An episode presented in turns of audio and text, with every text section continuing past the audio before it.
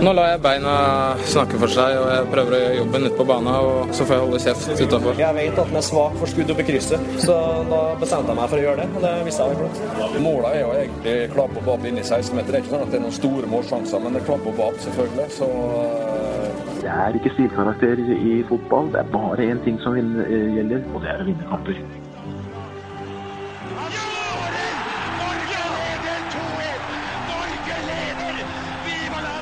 Og der er uh, toppball tilbake igjen. Lasse Wangstein, for en stødig type du er. Akkurat uh, om dagen nå så har det vært bra ja, en periode. Hver eneste uke. Alltid på jobb. Plutselig så ryker det. Men det må jeg si om deg òg. Du er jo hver gang. Du er den eneste som vi kan si har vært på alle 48 episodene. Tusen hjertelig takk. Det er stort å være med på dette. Uh, nå har vi jo faktisk holdt på i et uh, år. Jeg mener vi runda det for en par uker siden. Ja, var det, Jeg husker aldri om vi begynte 18. mai, eller om vi begynte rett før 16. mai-runden i fjor. Men der i disse dager så er det ettårsjubileum. Yes, Vi begynte rett før 16. mai, for da snakka vi om Jørn Andersen. Det kom som en gavepakke for oss. Ja, stemmer, da, samme saken. dagen som første sending snakka vi om Jørn Andersen. 18. mai hadde vi med, hadde vi med Ivar Hoff. Ja, riktig, riktig. Så vi må ta en, en ny runde med han igjen snart. Ja, det må gjøre det. Det er bra. Håvard er jo, øh, er jo i showbiz. Uh, så han hadde forpliktelser knyttet opp mot uh, fjernsyn. Uh, og lønnet arbeid, tror jeg. Lønnet arbeid, ja. faktisk. Så dere som klager på at Håvard ikke er med i studio hver uke, ta flekk opp noe cash, og så vips det over til Lilleheie. Så vi får den med. Så han må si nei til andre ting. Ja. Når, skal, skal, det gå rett direkte til Lilleheie, eller bør det gå via Via staten, mener du? Via redaksjonen? Redaksjonen, ja. Eh, så vi får spre midlene ut. Ja, ja. i kartellet vårt. Ja. ja. Men vi har jo med en helt strålende gjest uh, denne uka. Uh, altså uh, Vi har jo tidligere Han har satt seg i den stolen hvor storheter som Jørgen Kjernås uh, bl.a. har sittet. det er mye Mini. Mini har sittet der. Ja. Det er, men det er mye tyngde i den stolen. Tom Nordli? Tom Nordli også har sittet der. Ja, ja, ja. Per Bredesen har faktisk sittet der òg. Per Bredesen har sittet, Han satt der sist. Ja, den uh, episoden har jeg ikke hørt ennå. Den, den, er ikke lagt ut ennå. Men uh, episoden med Tom Nordli er en av mine favorittpodkast-episoder siste året, tror jeg. Ja, det er hyggelig å høre, altså. Det er veldig hyggelig å høre. Frode Lia, velkommen. Tusen takk. Josimar, eh, redaktør, fotballtrener, tidligere toppkeeper. Ja, eller høyst middelmådig keeper, som eh, Dagsavisen skrev om meg i helgen. Uh, da måtte jeg ut og dementere at uh, det var mye faktafeil i, i pressen om meg. Det er veldig gøy å, å ha deg her. Uh, altså, hvor skal man begynne? Josimar har blitt en slags motvekt til veldig mye annet innenfor norsk fotball. Det er, det er det eneste vi har som er og med fare for å tråkke noen på tærne. Det er veldig mye, det er veldig mye supportermagasiner og, og, fotballmagasiner som også gjør god journalistikk, men, men, vi er ett magasin som bedriver virkelig sånn bunnseriøs fotballjournalistikk. Uh, og det, uh, det er en, en, motvekt til veldig mye av det andre vi, vi leser, syns jeg. Uh, hva, hvordan startet dette, og hvorfor startet det? Ja, altså det starta jo i mai 2009. Mm. Uh, så vi har også et uh, jubileum. Åtteårsjubileum uh, ja. i disse dager. Gratulerer. Liten, liten ja, takk. takk. Men altså, du sier jo motvekt. Altså, nå skal jo sies at aviser som VG og TV 2 virkelig har, har endra litt sitt journalistiske innhold da, mm. enn det som var tilfellet når jeg starta i 2009. Og dette var jo midt i den perioden hvor eh, alle skulle satse på nett, gå vekk fra papir uh, som hovedsatsingsområde. Uh, alt skulle tablodiseres. Altså Hvis du leste Dagbladet VG en uh, sportslørdag, så handla det meste om de nye barna til, til spillerne, tatoveringer osv. Uh, og, da, og jeg har jobba i media i hele mitt yrkesaktive liv. Og da, akkurat der så jeg at det var en åpning, da. Altså jeg tenkte sjøl at uh, uh, jeg hadde veldig lyst til å lese om ting som gikk dypere innen fotball. Altså ikke bare sånn gravende journalistikk, men kanskje enda mer om taktikk og spillestil, økonomi, uh, samfunnsmessig osv. Og så er det jo sånn at vi mennesker er jo mye mer like enn det vi liker å tro.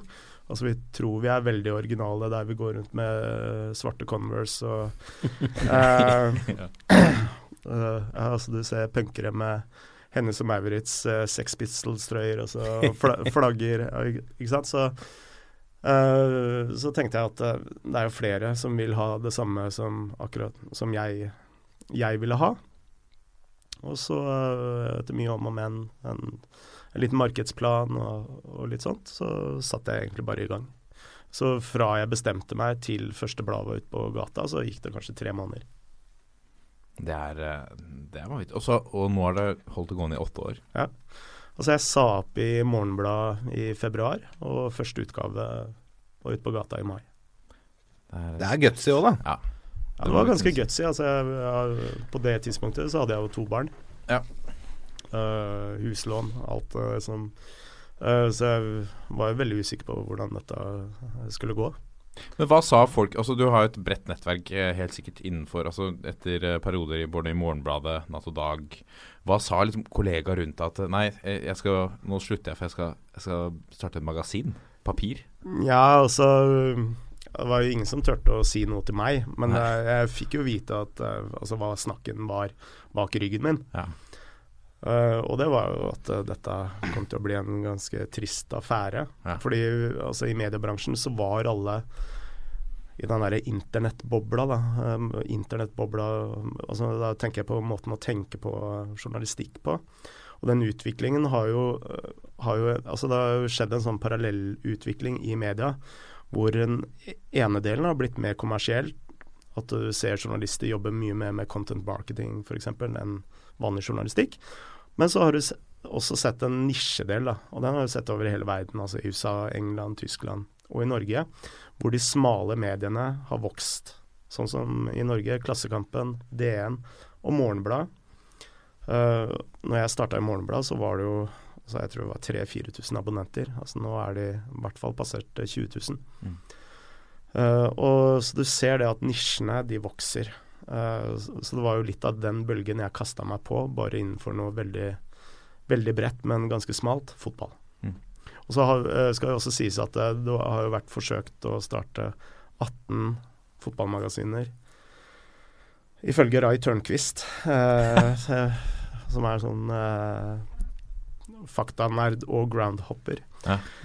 men alle har jo stort sett gått konkurs innen veldig kort tid.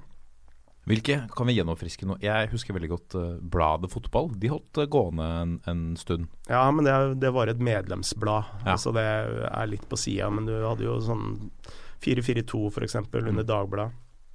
var jo et uh, godt, godt, eksempel. VG hadde også et, et, blad som holdt i tre utgaver. Jeg husker ikke helt hva det het. Men så kunsten var jo liksom å finne en sånn Eh, en plan på hvordan du kunne leve av det og vokse uten å gå konkurs. Og da var det to ting eh, som gjaldt. Det var å levere god journalistikk og ha en plan for hvordan du kan selge abonnement. Ja. Spennende, altså. Vi, vi, skal selvfølgelig snakke masse mer om det og, og med deg, Frode. Eh, men før vi går videre til det, Lasse, vi må Uh, vi har fått oss en e-postadresse. Har vi det? Ja. Yes. Uh, Fotball.no var tatt. Nei. Det var noen som hadde tatt det. Toppfotball.no også var tatt. Nei, nei, nei, nei. Så jeg fant, uh, fant 451.no. Det var ledig. 451? 451.no. Ja. Ja. God gammel norsk. Ja, så vi har fått en webadresse? Altså. Fått, nei, altså ikke internett. Uh, hjemmeside har jeg ikke trua på. Nei, ok, nei uh, Men e-post, det er kommet for å bli. Uh, så hvis det er noen som har noen spørsmål eller, eller lignende, send oss Bli den første som sender e-post til toppfotball at 451.no. Oi, oi, oi. Ja, ja, ja. Gratulerer til oss. Ikke sant? Gratulerer til oss. En ny måte å kommunisere med lytterne på. Ja, er du gæren. men apropos måter å kommunisere med lytterne på, ratings. Ratings uh, Ja, da, det, vi har fått tre til på uh, litt av uke. Sterkt. Nå er vi i flytten. Nå er vi i dytten. Ja. Folk er våryre og har lyst å melde til oss. Uh, kan jo begynne med Pete Benitez, som gir oss fem stjerner. Hei. Takk. Kongepod. Fantastiske gjester. Panelet har mye og bra kunnskap. Men når skal Håvard begynne å skjønne at godset ikke er i nærheten å ha den samme spillestallen og trøkk i spillet sitt uh, som i gullårene under Deila? Og Derfor kommer de ikke til å være i nærheten av topp fire i år, men fortsatt med det gode arbeidet deres i mange år. For dette er øregodis. Oi, det er øregodis. Det var hyggelig. Fint ord. Ja. Og så har vi botje. Botje. Ja. Ja. Anbefales også fem stjerner. Fantastisk podkast. Har fått tilbake interessen for norsk fotball etter å ha hørt på dere. Det er jo hyggelig. Det var jo kanskje litt av målet vårt også med å starte den podkasten en gang i tida. ja. At folk skulle bry seg om norsk fotball igjen. Hjelpe folk. Hjelpe norsk fotball. Det liker vi å høre. Ja. God fotballfaglig kunnskap blandet med strålende lilleie som tar igjen med god tilstedeværelse og store SIF-briller. Jeg liker at det alltid Han nevnes alltid som en motvekt til kunnskap. Du har kunnskap og lilleeie. Ja, det er bra. Det er deilig Så nå som Håvard ikke er med, så blir det blir ræva litt- ratings. Nå Ja, vi får se åssen det blir neste uke nå. Vi har Altså. fått mye kunnskap, da. Ja, vi har fått veldig mye kunnskap. Mm. Hold koken, gutta. Dere er en gjeng. Ja, det er det helt riktig. Det er vi. Ja. Til slutt er det Hennybolla Kristoffer som sier kvalitet og fem stjerner. Hei, gutta boys. Gratulerer med førsteplassen i min personlige podkastliga. Takhøyden, kunnskapen og det at dere sier det dere faktisk mener, til dels uten noe sensur, er kvaliteter som sikret førsteplassen. Ti tomler opp. Oi. Og dette er jo veldig hyggelig. Veldig hyggelig. Vi må legge inn en reklamespot her for Josimars eh, podkast også. Den er bare å anbefale. Den er bare å anbefale. I forrige episode så hadde dere Håkon Grøtland, Ja. utviklingssjefen i Fotballforbundet. Ja, Bra gjest. Han har vært her før. Eh, fantastisk type. Hvordan, hvordan var det å ha han der? Dere har jo liksom eh, Dere har hatt noen saker eh, om, om, eh, om NFF, Ja. om akademiklassifiseringa. Uh, Per-Mathias Høgmo. Mm. Hvordan, altså, var det noe, Merket du den på, noe, på stemninga eller noe sånt nå? Eller var det, Nei, altså nå var jo ikke jeg med i den podkasten. Men eh, altså, jeg, jeg møter jo ofte folk fra NFF og NTF, Ja. altså norsk eh, toppfotball. Ja. Uh, så det er jo sånn pff, helt uproblematisk uh, for meg. Altså det er uh, Og for de òg. Altså, ja. altså de fleste som jobber i fotballen på et visst nivå, har jo en profesjonell innstilling til det. Altså De skjønner jo at vi har en jobb å gjøre. Mm. Og vi skjønner at de har en jobb å gjøre. Øhm, og sånn er det. Og det er jo ikke alltid vi, vi treffer med våre saker òg, og da får vi høre det. Ja. Eh, men eh, så, ja. Så, og så er det jo litt sånn at selv om jeg er redaktør i et fotballmagasin, og så har vi en sak som eh, kritiserer en eller annen ting, så er det jo ikke nødvendigvis at jeg personlig Nei. eh, mener det samme som den eh, saken. Og så er det masse i Josimar jeg ikke er enig i. Mm. Uh, men uh, når jeg starta Josimar, så var det jo for å skape en eh, plattform hvor folk kunne debattere og diskutere. Og ikke bare få, få inn masse skribenter som var enig med det eh, mine synspunkter, da. Uh, ja, så sånn er nå det. Men dere, dere har jo på en måte blitt omtalt som en slags vaktbikkje. Ja. Som liksom tar litt tak i de sakene som kanskje har gått under radaren, eller eh, hva det måtte være i vanlig, mer tradisjonell presse, eller som ikke tradisjonell presse har brukt tid på. Og dere har jo røska opp i en del ting i fotballen, både nasjonalt og internasjonalt. Merker dere at på en måte noen eh, har tyngre for å enten ikke ta dere seriøst, men eller, eller snakke skikkelig med dere pga. det? At dere har vært litt sånn sparka ned noen dører og vært litt uh, tøffe? Ja, altså Ole Gunnar Solskjær har jo hatt en uh, boikott av oss eh, over lengre tid. Men Mm. eh, han eh, er jo et, et stort intervju med han i, i neste utgave. Oh, ja. uh, så der er comeback. Så dette har løst seg? Det er, ja, altså, Det er litt sånn engelsk. altså jeg, jeg, jeg, jeg tror ikke han er fan.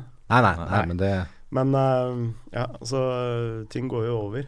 Men uh, eh, Ja, altså, altså du merker jo at det er litt sånn dårlig stemning altså hvis du tropper opp på, på, på Ullevål og du møter folk i korridorene. Altså du, men eh, De som møter enkelte, i hvert fall. ja, hvis du møter enkelte. Men eh, altså når du kommer til NFF, da.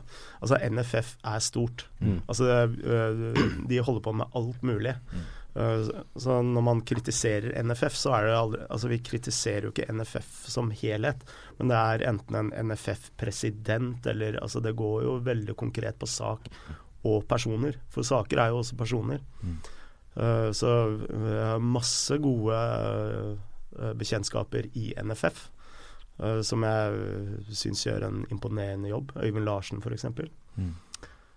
Så ja, det er Det går liksom opp og ned fra de personene man kritiserer og ikke kritiserer. Og så er det jo veldig mye agendaer innad i NFF, ikke sant. Så når du kritiserer én i NFF, så applauderer resten av forbundet.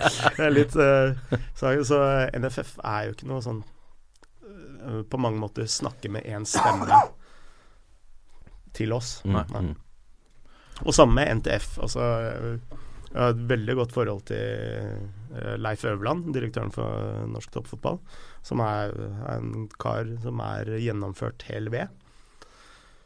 Og Det kan hende at jeg får litt sånne sinte SMS-er og faen, følger du ikke med? Og liksom, men det, det går fort over. Altså, ja. Og så må vi huske på det at uh, når vi har en sak, da altså Sannheten er jo ikke noe uh, svart-hvitt innenfor journalistikken. Altså Det er jo synspunkter. Altså du har uh, Noen mener det. Altså det. Så det er jo Når vi lager en sak, så er, prøver vi å liksom balansere med kilder. At du har likevekt blant kildene. Så i våre saker så er det jo ofte kildene som mener noe og sier noe. Og så kan motparten være uenig i hva uh, kilden på, på andre sida sier og mener. Mm. Og da blir det litt sånn uh, ja, Josimar har sagt Nei, vi har ikke sagt det. er kilden som har sagt. Uh, ja. Men man er jo underlagt noen sånne altså, retningslinjer da, på hvordan man skal drive journalistikk, og man skal gi folk tilsvarsrett uh, hvis man uh, blant annet, altså er, Det ligger jo noe inne i det. Mm. Hvordan fungerer det hos dere? Opplever dere ofte at dere gir folk muligheten til å gi tilsvarsrett, og så får dere det ikke fordi at de er revnende uenige i sakens innpakning? Eller pleier folk å stille opp og svare selv om kan, de kan bli stilt i et dårlig lys? Ja, altså F.eks. den saken vi hadde om Per-Mathias Høgmo. Han ville ikke uttale seg. Nei. Uh, så da får du en uh, uttalelse på e-post, og, og, trykker den. Ja. Uh, men alle får sjansen til å uttale seg. Mm, -hmm. Og det er veldig viktig for oss. Altså, jeg husker jeg snakka med en journalist i en avis som mente at for at noe skulle komme på trykk hos dem, så krevdes det mye mer dokumentasjon for at de kunne trykke det. Og det var jeg helt uenig i. Fordi altså, øh, kommer det noe feil i VG eller Dagbladet eller Aftenposten, så er det glemt dagen etter på mange måter. Kommer det en liten notis? Ja. Altså, hvis, vi, hvis vi bommer på fakta, Mm. så, så er vi ferdig. Ja. Uh, så vi, vi kan ikke tillate oss å være slappe på sånne ting.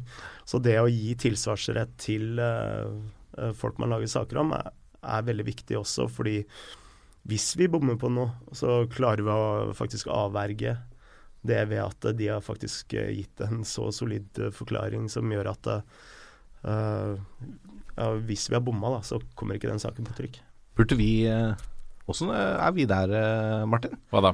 Å gi folk tilsvarsrett. Det hender jo vi, eh, vi kritiserer folk eller er uenige med folk i fotballen her i podkasten. Det er ingen som har tilsvarsrett her. Nei, ikke sant? Her vi får lov å rante av gårde. galle. Eder og galle. Jeg elsker det. Nei, det er, det er jo helt riktig. Altså, øh, de skal jo egentlig få en mulighet til å forsvare seg, men jeg opplever at hvis man er klar på at dette er min personlige mening, Mm. øh, og man ikke prøver å gjengi sannheten på, på noen måte øh, Når vi kommer med våre meninger f.eks. om Edvardsen-saken, så, så tror jeg det skinner igjennom at dette er det vi tenker og føler. Ja. Selv om du sa at uh, fot alle fotballdommerne har dårlige holdninger, så uh, tror jeg ikke du har ringt alle og spurt hva slags holdninger de har. Nei, jeg opplevde det som at de har dårlige Ja. holdninger pga. måten de oppfører seg på. Ikke sant? Nettopp. Og det er min mening. Ja, riktig. Jo, altså, akkurat dette med personlige meninger var jo også en av uh, en av ideene ved å starte Josemar. Fordi det var også sånn, eh, når jeg starta Josemar, at uh, avisene var fullt av meninger. Altså hva journalister mente om uh, ting og tang, det var for meg revnende likegyldig. Mm. Altså jeg ville eh, ha saker som eh, forklarte ting. Altså forklarte hvorfor Drillo spilte som han gjorde. Forklarte hvorfor eh, Pep Guardiola spilte som han gjorde, uh, osv. Uh, jeg var jo ikke så opptatt av at eh, min personlige mening om eh, skulle komme til uttrykk, og det syns jeg er helt eh, Altså, eh, det er eh, kjedelig, rett og slett. Altså, det er kjedelig. altså Min mening oppi ting og tang, det er ikke viktig. Men eh, jeg vil høre fra Drillo altså hvorfor han Mm. gjør, gjør og står for den fotballen han gjør, hvorfor Pep Guardiola står altså, Så det Jeg ville ha kilder som fortal, fortalte meg og forklarte meg og lærte meg. Ja. Din mening er ikke viktig, Lasse. Nei, det, og det er greit. Nei, men Jeg kommer til å ytre at jeg blir enig. dratt ut herfra. Det er, det er det som er litt av styrken ved å ha, ha gode gjester her hos oss også. At man, man får en input og litt andre vinklinger på ting som, som vi også liker å synse om. Ja, og det er jo, altså Vi nevnte jo Grøtland her, som uh, Josmar hadde nå. Vi har jo hatt Gunnar Halle. Vi har hatt andre folk fra fotballen som gir oss et annet innblikk i det vi sitter og snakker om hver uke. da. Mm. Eh, og det er veldig gøy å høre på. Og, Ja. og, og vi kan jo si så mye vi vil at NFF har mislykkes fordi at vi ikke har klart å dyrke fram en ordentlig stopper eller en ordentlig spiss de siste ti åra. Men da må vi høre hvorfor vi ikke har klart det. da, ikke sant? Og det har vi fått muligheten til å høre, Og da er det jo, er jo ting eh, ganske spennende, syns jeg. da. Nå kommer de, vet du. Jørgen eh, Strand i, i Sarpsborg og Ja, Julian ja. Kristoffersen i FCK. Kommer nå! Kommer nå! Men hvordan, hvordan kom det til at dere kalte bladet dere opp etter en eh, kanskje ikke verdens mest kjente brasilianske høyrebekk? Ja, og, ja, da må jeg tilbake til der jeg vokste opp, på Lørenskog. Ok. Uh, og altså, jeg har jo uh, en foreldre Altså, moren min er fra Lørenskog, og faren min er fra Snarøya. Uh, så det er jo to vidt forskjellige steder. Uh, og ingen var interessert i fotball. Uh, og ingen er interessert i fotball. Altså, pappa er uh, interessert i seiling, og det er uh, eneste sporten som har liksom vært i min familie. Uh, så min, selv om jeg begynte å spille fotball selv når jeg var seks-sju år på Lørenskog, så kom ikke den der eh, enorme fotballinteressen før mange år seinere. og det var under VM i 86. Og det laget som uh, Altså, det var flere lag jeg ble veldig forelska i. Altså Frankrike. eh, men eh, Brasil, det var det laget som jeg bare falt fullstendig pladask for. Og særlig måten de spilte fotball på. Altså, da så, så du norsk fotball, og du så engelsk fotball, og det var kick and run.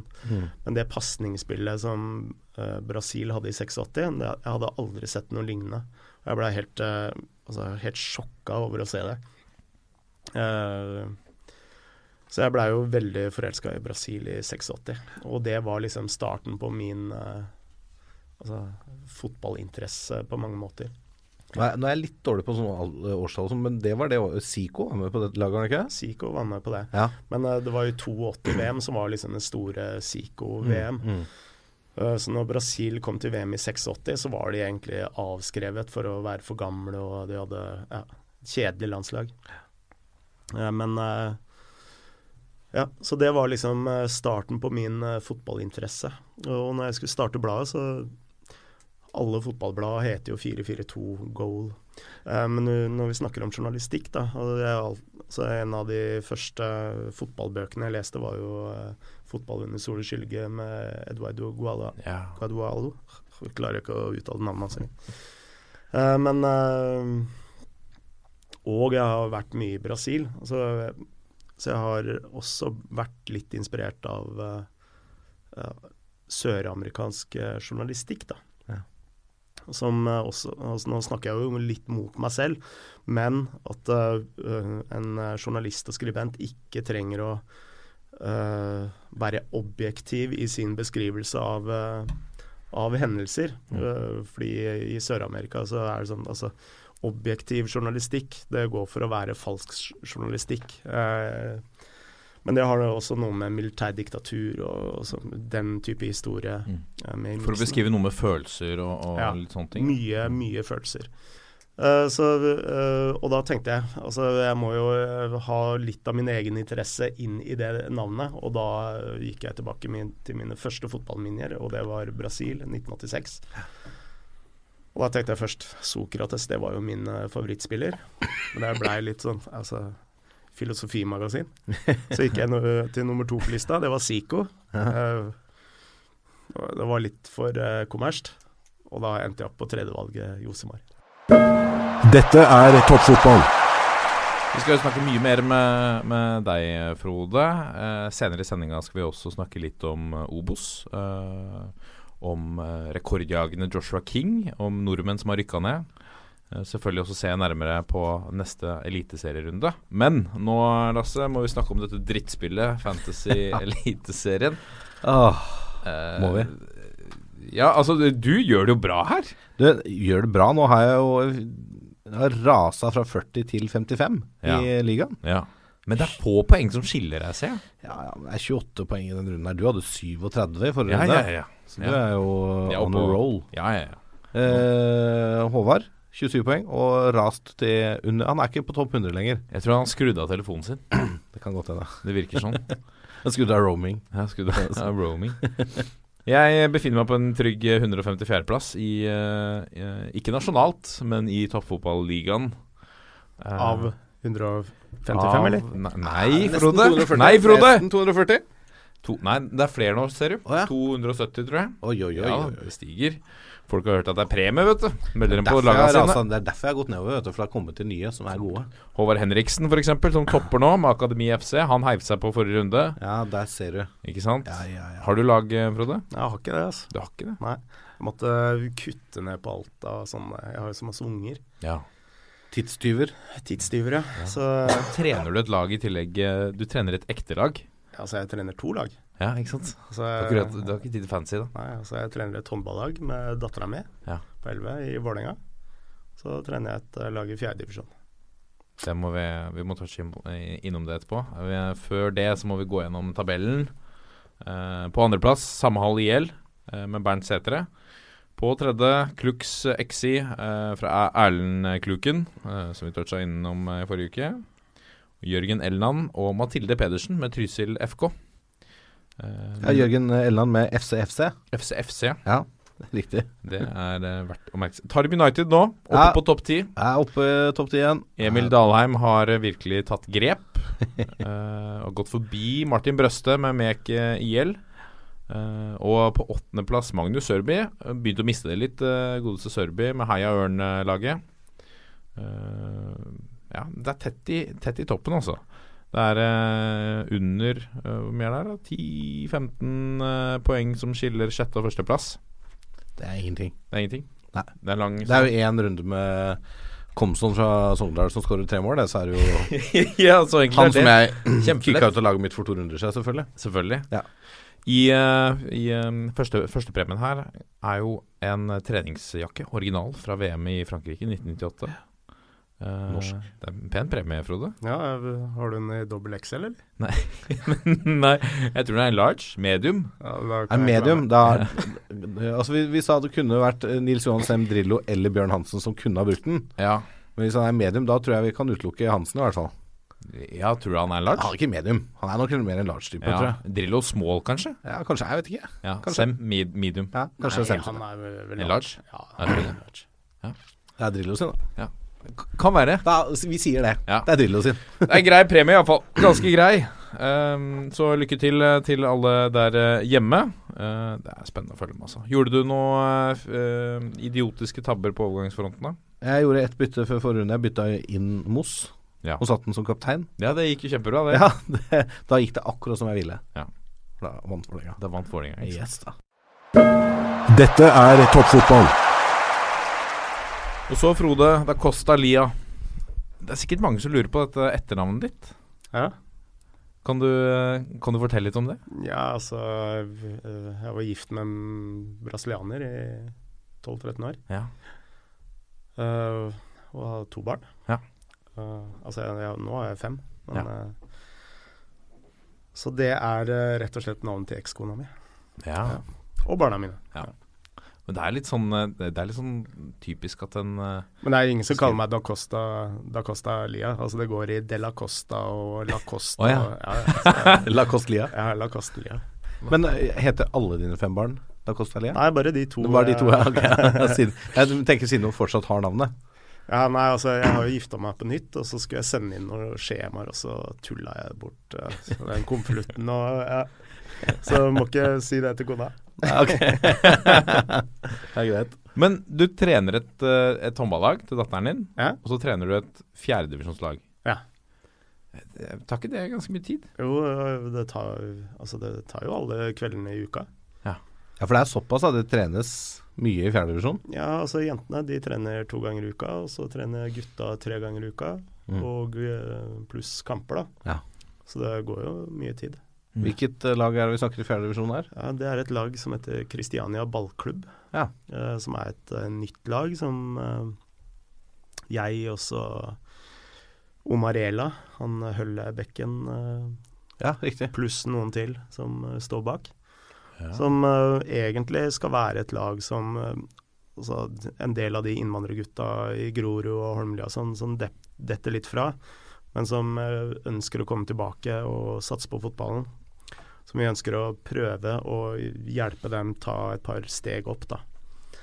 Eh, Så det er, er snakk om å prøve å være en slags sånn mellomstasjon da, for, eh, for eh, spillere som skal få karrieren sin på, på rett kjøl igjen, og så kanskje ende opp i en annendivisjonsklubb eller oppover derfra. Men der min agenda der var egentlig å prøve å utdanne flere trenere fra de områdene. Eh, for det syns jeg kanskje er den aller største mangelvaren i fotballfloraen i dag. Da. Det er at eh, de områ... Og det, er, handler jo ikke bare at eh, de ikke prøver å bli trenere, men det er veldig få arenaer for de gutta å prøve seg og bli gode trenere.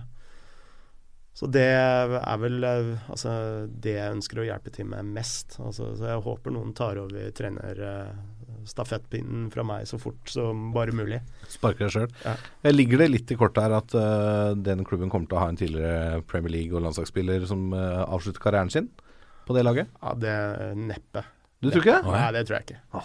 Eh, men eh, at han kommer til å hjelpe til med på treningsbiten og, og den delen, det er Nå kommer han, kommer han jo hjem om en ukes tid, så Ja. da tropper han jo opp på treningsfeltet. Han gjør det? Ja. Ja, fantastisk. Ja, uh, Altså Omar Ela, han er så gjennomført uh, god fyr og hel ved. Uh, jeg hører alle si det. Ja. Altså, jeg, jeg har kjent han i mange år nå, men altså, når jeg jobba i Natt og Dag, Mm. så hadde vi kontorer nederst i Akersbakken, og så bodde jeg på Etterstad. Eh, og da kunne jeg oppleve først gå opp på Rema 1000 for å kjøpe lunsj, og se Omar Ela på Ilataket. Og så når jeg gikk hjem seinere på kvelden For lyttere som ikke vet hva Illataka er, det er altså en en liten fotballbane. fotballbane på toppen av en parkeringsplass eh, midt i Oslo. Ja. Og så går jeg, går jeg hjemover forbi Dælinga, så står søren meg Omar og spiller der òg. Ja. og hvis du snakker med folk som har liksom jobba i Gryner og Skeid og Sagene og sånn, så Gutten spilte jo på flere fotballag uh, som kid. Eh, så i løpet av en uke så hadde han liksom en kamp for Sagene, for Gryner. Og, uh, og når han uh, spilte i, i Manchester City, så går jo ryktene at han eh, plutselig stilte opp på annetlaget til Gryner en gang òg. Men det er bare rykte. da. Så, Ja, ja. Ubekreftet rykter. Ja. Ja, for det er ikke lov, selvfølgelig. Så det, det er tror, det er jo ikke sikkert jeg hadde blitt kjempehappy nede i Manchester hvis de hadde hørt at han spilte Jeg tror Manzini hadde blitt litt hissig da. Kan hende. Kan hende. Men det, ja, det ryktet der har jeg også hørt. Og det er eh, Omar El Abdelawi. Det er, eh, vi må håpe han finner seg en Nå går kontrakten hans eh, ut med hull, lånekontrakten. Ja, det lå vel i kortene der at den skal gjøres permanent hvis de Vi skal vel litt tilbake til det. Skal Hvis tilbake til det. Ja, Ja. men, ja. Nei, så uh, Det er jo utrolig viktig at de, de gutta som har uh, gjort det bra fra Holmlia og fra Oslo øst, da, at de eh, får en rolle i uh, Oslo-fotballen når de kommer tilbake. For altså, de har jo enormt med erfaring som mm. man ikke får på trenerkurs på Ullevål. Uh, så eh, det er en ressurs som jeg håper de bruker på å få andre uh, unger og, og ungdommer fra de områdene opp og fram. Mm. For det, det er noe med det Vi har jo mange gode eksempler på det. Altså Harmet Singh, uh, Joshua King. Altså folk fra, spillere fra Oslo øst som, som gjør det bra. Eh, Pluss alle de du har aldri hører om. glemt. Ja, ikke sant? Og har glemt. Altså, det, altså På laget mitt så har det liksom mange spillere som plutselig Ja, jeg var proff i Bahrain et år. Altså, ja. Det er vanvittig. Men nei, har dere noe, har du noen kjente navn som vi kanskje uh, har hørt om? Nei, altså det er eh, navn som har F.eks. noen har vært innom andredivisjonsklubber annendivisjonsklubber og sånn tidligere. Eh, så det er jo eh, Mange av spillere er jo altfor gode til å spille i fjerdedivisjon. Mm. Så det er jo fordi de ønsker å være med og bygge opp noe som de klarer å styre selv. Altså hvis du ser på klubber som Grorud f.eks., typisk Oslo øst-klubb, så er, det jo Altså det er jo etniske nordmenn som sitter på, fra toppen og gjennom alt av trenerkapasiteter og sånn. Så det er og det er en klubb i Grorud, så man skulle jo tro at det var flere folk derfra som var med og blei trenere, blei ledere osv. Og det er jo og det er jo en viktig, et, et et, et viktig element i den debatten jeg har vært med i, om ungdomsfotballen. Mm. Det, det, handler jo om at uh, disse må jo ta grep sjøl. Altså de, det holder ikke med å liksom få støtte fra fotballforbundet. Altså, det dreier seg ikke bare om penger, det dreier seg mye om initiativ selv òg. Mm. Mm.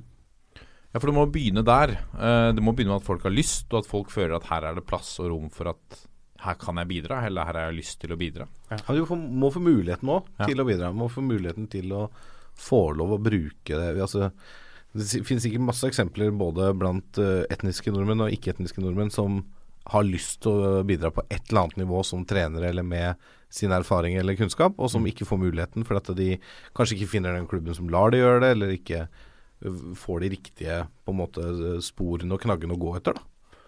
Men vi har jo tro det. Vi har snakka om den store forskjellen mellom uh, litt sånn østkant og vestkant, hvor du også uh, kommenterte at på det siste uttaket ja. til G Nå må du oppdatere meg. G17. G17 var det. Mm. Så var det ingen, ingen spillere fra klubber på, på østkanten i Oslo? Nei, altså det landslaget vi sendte ned til Kroatia, der mm. var det ingen fra Oslo øst. Men så eh, det, altså det mest skremmende, syns jeg, det var jo uttaket til det såkalte gamle Statoil-akademiet. Altså det uoffisielle landslaget for 14-åringer i Norge. Da var det to stykken fra, fra Oslo. Mm. Og det, dette har vært en samling som har vært eh, fram til nå dominert av spillere fra Grorud og Holmlia, Oslo, Oslo nord øst. Mm. Eh, så det var liksom Altså Det var veldig skremmende, syns jeg. Men hvorfor Altså vi, vi, begynte litt på det at ja, de må ta initiativ selv. Og, og det handler vel litt om her også, tror jeg. ja, Nå tenker jeg sånn at vi trener kapasitetsmessig, da. Ja, ja, ja, ja men, men, i styre og stell, da, i disse klubbene også på østkanten, så handler det om å ja, ta initiativ mm. selv. Og så tror jeg vel også at det, det, er enklere å komme dit som spiller hvis du har uh, Hvis det er flere i klubben med samme kultur som deg, f.eks. Uh, Nei, altså det det dreier seg om altså, uh, du kan dele det opp i to ting. Altså Du kan dele opp i breddeklubbene. Mm. Der er det masse gode breddeklubber i uh, Altså, La oss bruke ordet Oslo øst. da. Mm. Altså, Du har klubber som Holmlia f.eks., som driver utrolig godt breddeklubber. Men det de mangler, det er jo satsingsklubber som driver på Altså de som ønsker å bli gode. Der eh, tar klubber som eh, Lyn, Uh, Stabæk, ikke minst. De, uh, de, driver så godt at de har uh, konkurrert ut alle de klubbene på Oslo øst. Mm. Og, og der kommer jo penger inn i bildet. Ja. altså hvis du Rett før påske så var jeg besøkte Romsås f.eks. Halve banen under snø og is. Ja. altså det finnes ikke treningsmuligheter. Så det er veldig få baner som er vinteråpne. Uh, på Oslo, Oslo øst. Mens uh, klubber som Lyn har opptil flere baner som er vintervarma hele året. Mm. Så det er bare en sånn liten ting som gjør den store forskjellen mellom øst og vest i Oslo. Men kan det være du nevner klubber som Lyn, Skeid, uh, Stabæk. Altså det, Skeid har fått masse skryt i, veldig mange år for arbeidet de gjør i barne- og ungdomsfotballen. Mm. Uh, og så kjenner jeg også til at i enkelte av klubbene så er det litt sånn det er et skryt med bismak. fordi at de, de, henter de spillerne som er gode. Og hvis du ikke er god nok i Skeid, så, så, blir du ikke like prioritert. Uh, og at de egentlig kan plukke og hente hvem de vil. Mm. Uh, så en klubb som Gryner f.eks., som jeg kjenner litt til fra før, hvor de har opplevd det at med en gang spiller markerer seg litt, så er Skeid der og prøver å hente han. Ja, og det kommer til å bli enda verre nå med innføringen av akademiklassifiseringen. Ja. Som har laget uh, tiltak som, uh, som, belønner de spillerne, nei, de klubbene som henter spillere fra tidlig alder. Altså du blir belønna for et godt scoutingapparat f.eks. som som er der for å hente spillere i tolvårsalderen over i eh, de største klubbene. Ja, for at de største klubbene skal ha disse spillerne fra så ung alder at de blir klassifisert som egenutvikla? Ja. ja, nettopp. Og da får de penger, da, eller? Eller hvordan Ja, altså du funker det? sånn homegrown ikke Ja, du får en såkalt uh, homegrown Altså hvis den spilleren blir solgt i voksen alder, da, så vil du alltid få en, uh, en cut av alle overganger. Uh, hele Holmlia er jo eh, finansiert av, eh, av den regelen. Mm. Men uh, spørsmålet er altså, er det en god greie for uh, hele Norge? Altså er det go uh, noe godt for norsk fotball? Og det tror ikke jeg. Altså man eh, så nå har jeg diskutert om hva som er feil med norsk fotball opp og ned i mente. Ja. Og, og, det, og den, altså det vi kritiserer alltid, det er jo barne- og ungdomsfotballen. Problemet er at hvis du eh, ser på fakta, så gjør vi det ganske godt fram til spillerne er 16 år. Mm. Altså der vi faller fra, det er fra spillerne er 16 og oppover. Og da snakker du om deltakelse? Altså Nei, jeg snakker om spillere. nivå. Ja. Jeg snakker om nivå. sportslig nivå? Sportslig nivå. Hvor, Eh. men hvordan, hvordan kan du definere det? At vi gjør det godt fram til de er 16 år? Altså, du ser det jo på eh, landslagene, Mm. eh, blant annet. Altså, jo eldre landslagene blir, jo dårligere gjør dem. Mm. Sånn sett over eh, en lengre tidsperiode, da. Eh, så, og du ser det også i klubbene i internasjonale turneringer. Altså, jo eldre de blir, jo dårligere gjør de dem. Så det er jo liksom det store, store problemet til norsk fotball. Og det handler ikke om bare at man driver dårlig. Altså det driver jo at det, uh, altså Tenk deg hvis du er et uh, godt uh, engelsk talent i si Manchester City, da, så er treningshverdagen din på et helt annet nivå enn om du spiller på rekruttlaget til Vålerenga. Mm. Um, uansett, da. Det er jo der tiltakene bør, bør skje. Uh, og der kommer jo altså mantraet til Norges Fotballforbund 'flest mulig, lengst mulig' inn.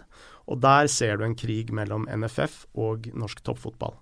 Hvor eh, NTF eh, Altså resultatene av akademiklassifisering går på mer spissing fra tidlig alder, mens eh, NFF vil, eh, vil ha flest mulig lengst mulig. Mm. Og, og igjen, da, altså hvis du skal henvise til forskningen og fakta, så ser man da at det å identifisere og selektere en tolvåring som du tror kommer til å bli den uh, neste landslagsspilleren som 22-åring, det er som å skyte, skyte spurv med avsagde hagle. Man treffer veldig sjeldent. Uh, så der er også en del av sånn problematikken da, til eh, nye akademiklassifiseringer. Men fordi i dag, så hvis man skal sammenligne mm, med noe av det i dag, så har vi også det som heter utdanningskompensasjon og, og disse tingene for, for klubbene der hvor spillerne har vært før. Er, det, er det en helt annen bit av dette, eller ligger Nei, det er jo samme, samme del av biten. ja. Men skal akademiklassifiseringen erstatte tidligere Nei, ordninger? Nei, Du, det er mer sånn du får Altså akademiklassifiseringen Altså det er veldig mye bra i, eh, i den planen. Mm. Altså de, eh, For nå må jo eh, Altså dette gjelder de 32 eh, toppklubbene, altså i Obos og, eh, og Eliteserien. Ja. Altså nå blir du jo målt på veldig mange parametere. Problemet er at eh, veldig mange av de parametrene de går eh, går inn i NFF-sfæren, og er ikke nødvendigvis så godt for alle de breddeklubbene som historisk har også produsert veldig mange toppspillere i Norge. Eh, så du vil se, tror jeg, eh, veldig mange utviklingsmiljøer. altså Du nevnte Gryner eh, nå. altså de tol, Lagene for 12-åringer, 13-åringer og 14-åringer de forsvinner fordi spillerne blir henta stykkevis opp til Skeid, opp til Lyn, altså opp til Vålerenga. Og det ser du at det er veldig mange den type klubber vil, eh, vil slite. Og da vil du uh, ramme veldig mange gode utviklingsmiljøer som plutselig da blir borte. Mm. Og Hvis du da er ikke inne i en et, uh, sånn type akademi fra du er 12-13-14 år, så er jeg på mange måter satt på spissen, selvsagt. Fotballkarrieren din egentlig over, for det er så vanskelig å komme inn igjen. ikke sant? Og um, bare det med å ha nasjonale uh, serier gjør jo også at du, du, ekskluderer veldig mange klubber ut fra å liksom Nasjonale serier for altså mye tidligere, fra 12 år? Nei, ikke fra 12 år, 14 år. 14 år ja. Um, gjør, gjør, jo det at de største, klubb, nei, største talentene vil gå fra klubber som sin Nordstrand, Oppsal og Skeid uh, over til uh, Vålinga, Stabæk. Og da, uh, da, utmagres også de utviklingsmiljøene der, da. Så, ja. Men hvis du går nivået under klubber som eliteklubbene, og da kanskje sånne klubber som Skeid og Lyn, som har litt ressurser til å utvikle, da. Mm. Nede på Grüner-nivå, Klemetsrud. Holmlia, de nivåene der. Hva skal til for at vi fortsatt kan finne en ny Harmed Singh, eh, Mohammed Fella OI eh, i disse klubbene? Er det at vi må ha bedre trenere på disse breddeklubbene, da, eller? Ja, altså... Øh, Et bedre tilbud? Altså Årsaken til at uh, Stabæk f.eks. gjør det så godt i yngre klasser, det er jo todelt. Det er jo at uh, de, har, de, har, de beste trenerne. Altså, mm. Fordi de har råd til å, å, ansette de beste trenerne. Så i, uh, nedover i ungdomsårene så har liksom Stabæk de beste trenerne. Det er ikke noe snakk om det. og i tillegg så har det treningsfasiliteter. Altså de har tilgang til uh, treningsfasiliteter. Uh, så der er det jo liksom den store forskjellen. Altså uh, fotball utvikles på treningsfeltet, så kvaliteten på det som skjer på, på, på feltet er jo det avgjørende om du er, blir en god 16-åring og kommer hit på et ungdomslandslag eller ikke. Og den treningshverdagen til de gutta som spiller i Stabæk er mye bedre enn de som spiller i altså Grorud, Holmlia osv. Ja, for nå Det er jo også en, en diskusjon uh, Men kan jeg bare ja. legge til én uh, ting? Altså Hvis du ser på uh, alle de spillerne som har kommet ut fra Holmlia Så altså, de har jo ikke blitt landslagsspillere fordi de har hatt gode trenere i Holmlia. Altså De har blitt landslagsspillere fordi spillerne har villet det mest. Altså det, og det har vært en sånn holdning som har spredd seg i Holmlia. ikke sant? Det er, man, det er noe som heter epigenetikk, eh, som omhandler at eh, altså holdninger, til og med sykdommer, kan spre seg innenfor uh, Arvelige sykdommer kan spre seg innenfor uh, tette sosiale bånd. Og det tror jeg er litt av det som har skjedd i, i Holmlia. At det, altså Når du ser uh, Dio gjør det bra, sant, så er det lettere for alle andre å komme etter. Mm. Alle som er en del av den sfæren. Altså Når du sitter, er på Løkka stadig vekk, og så, så, er alle disse tidligere landslagsspillerne de er på, og nåværende landslagsspillerne kommer på Løkka og spiller sammen med alle, så blir det en slags sånn holdning og mentalitet som bare sprer seg.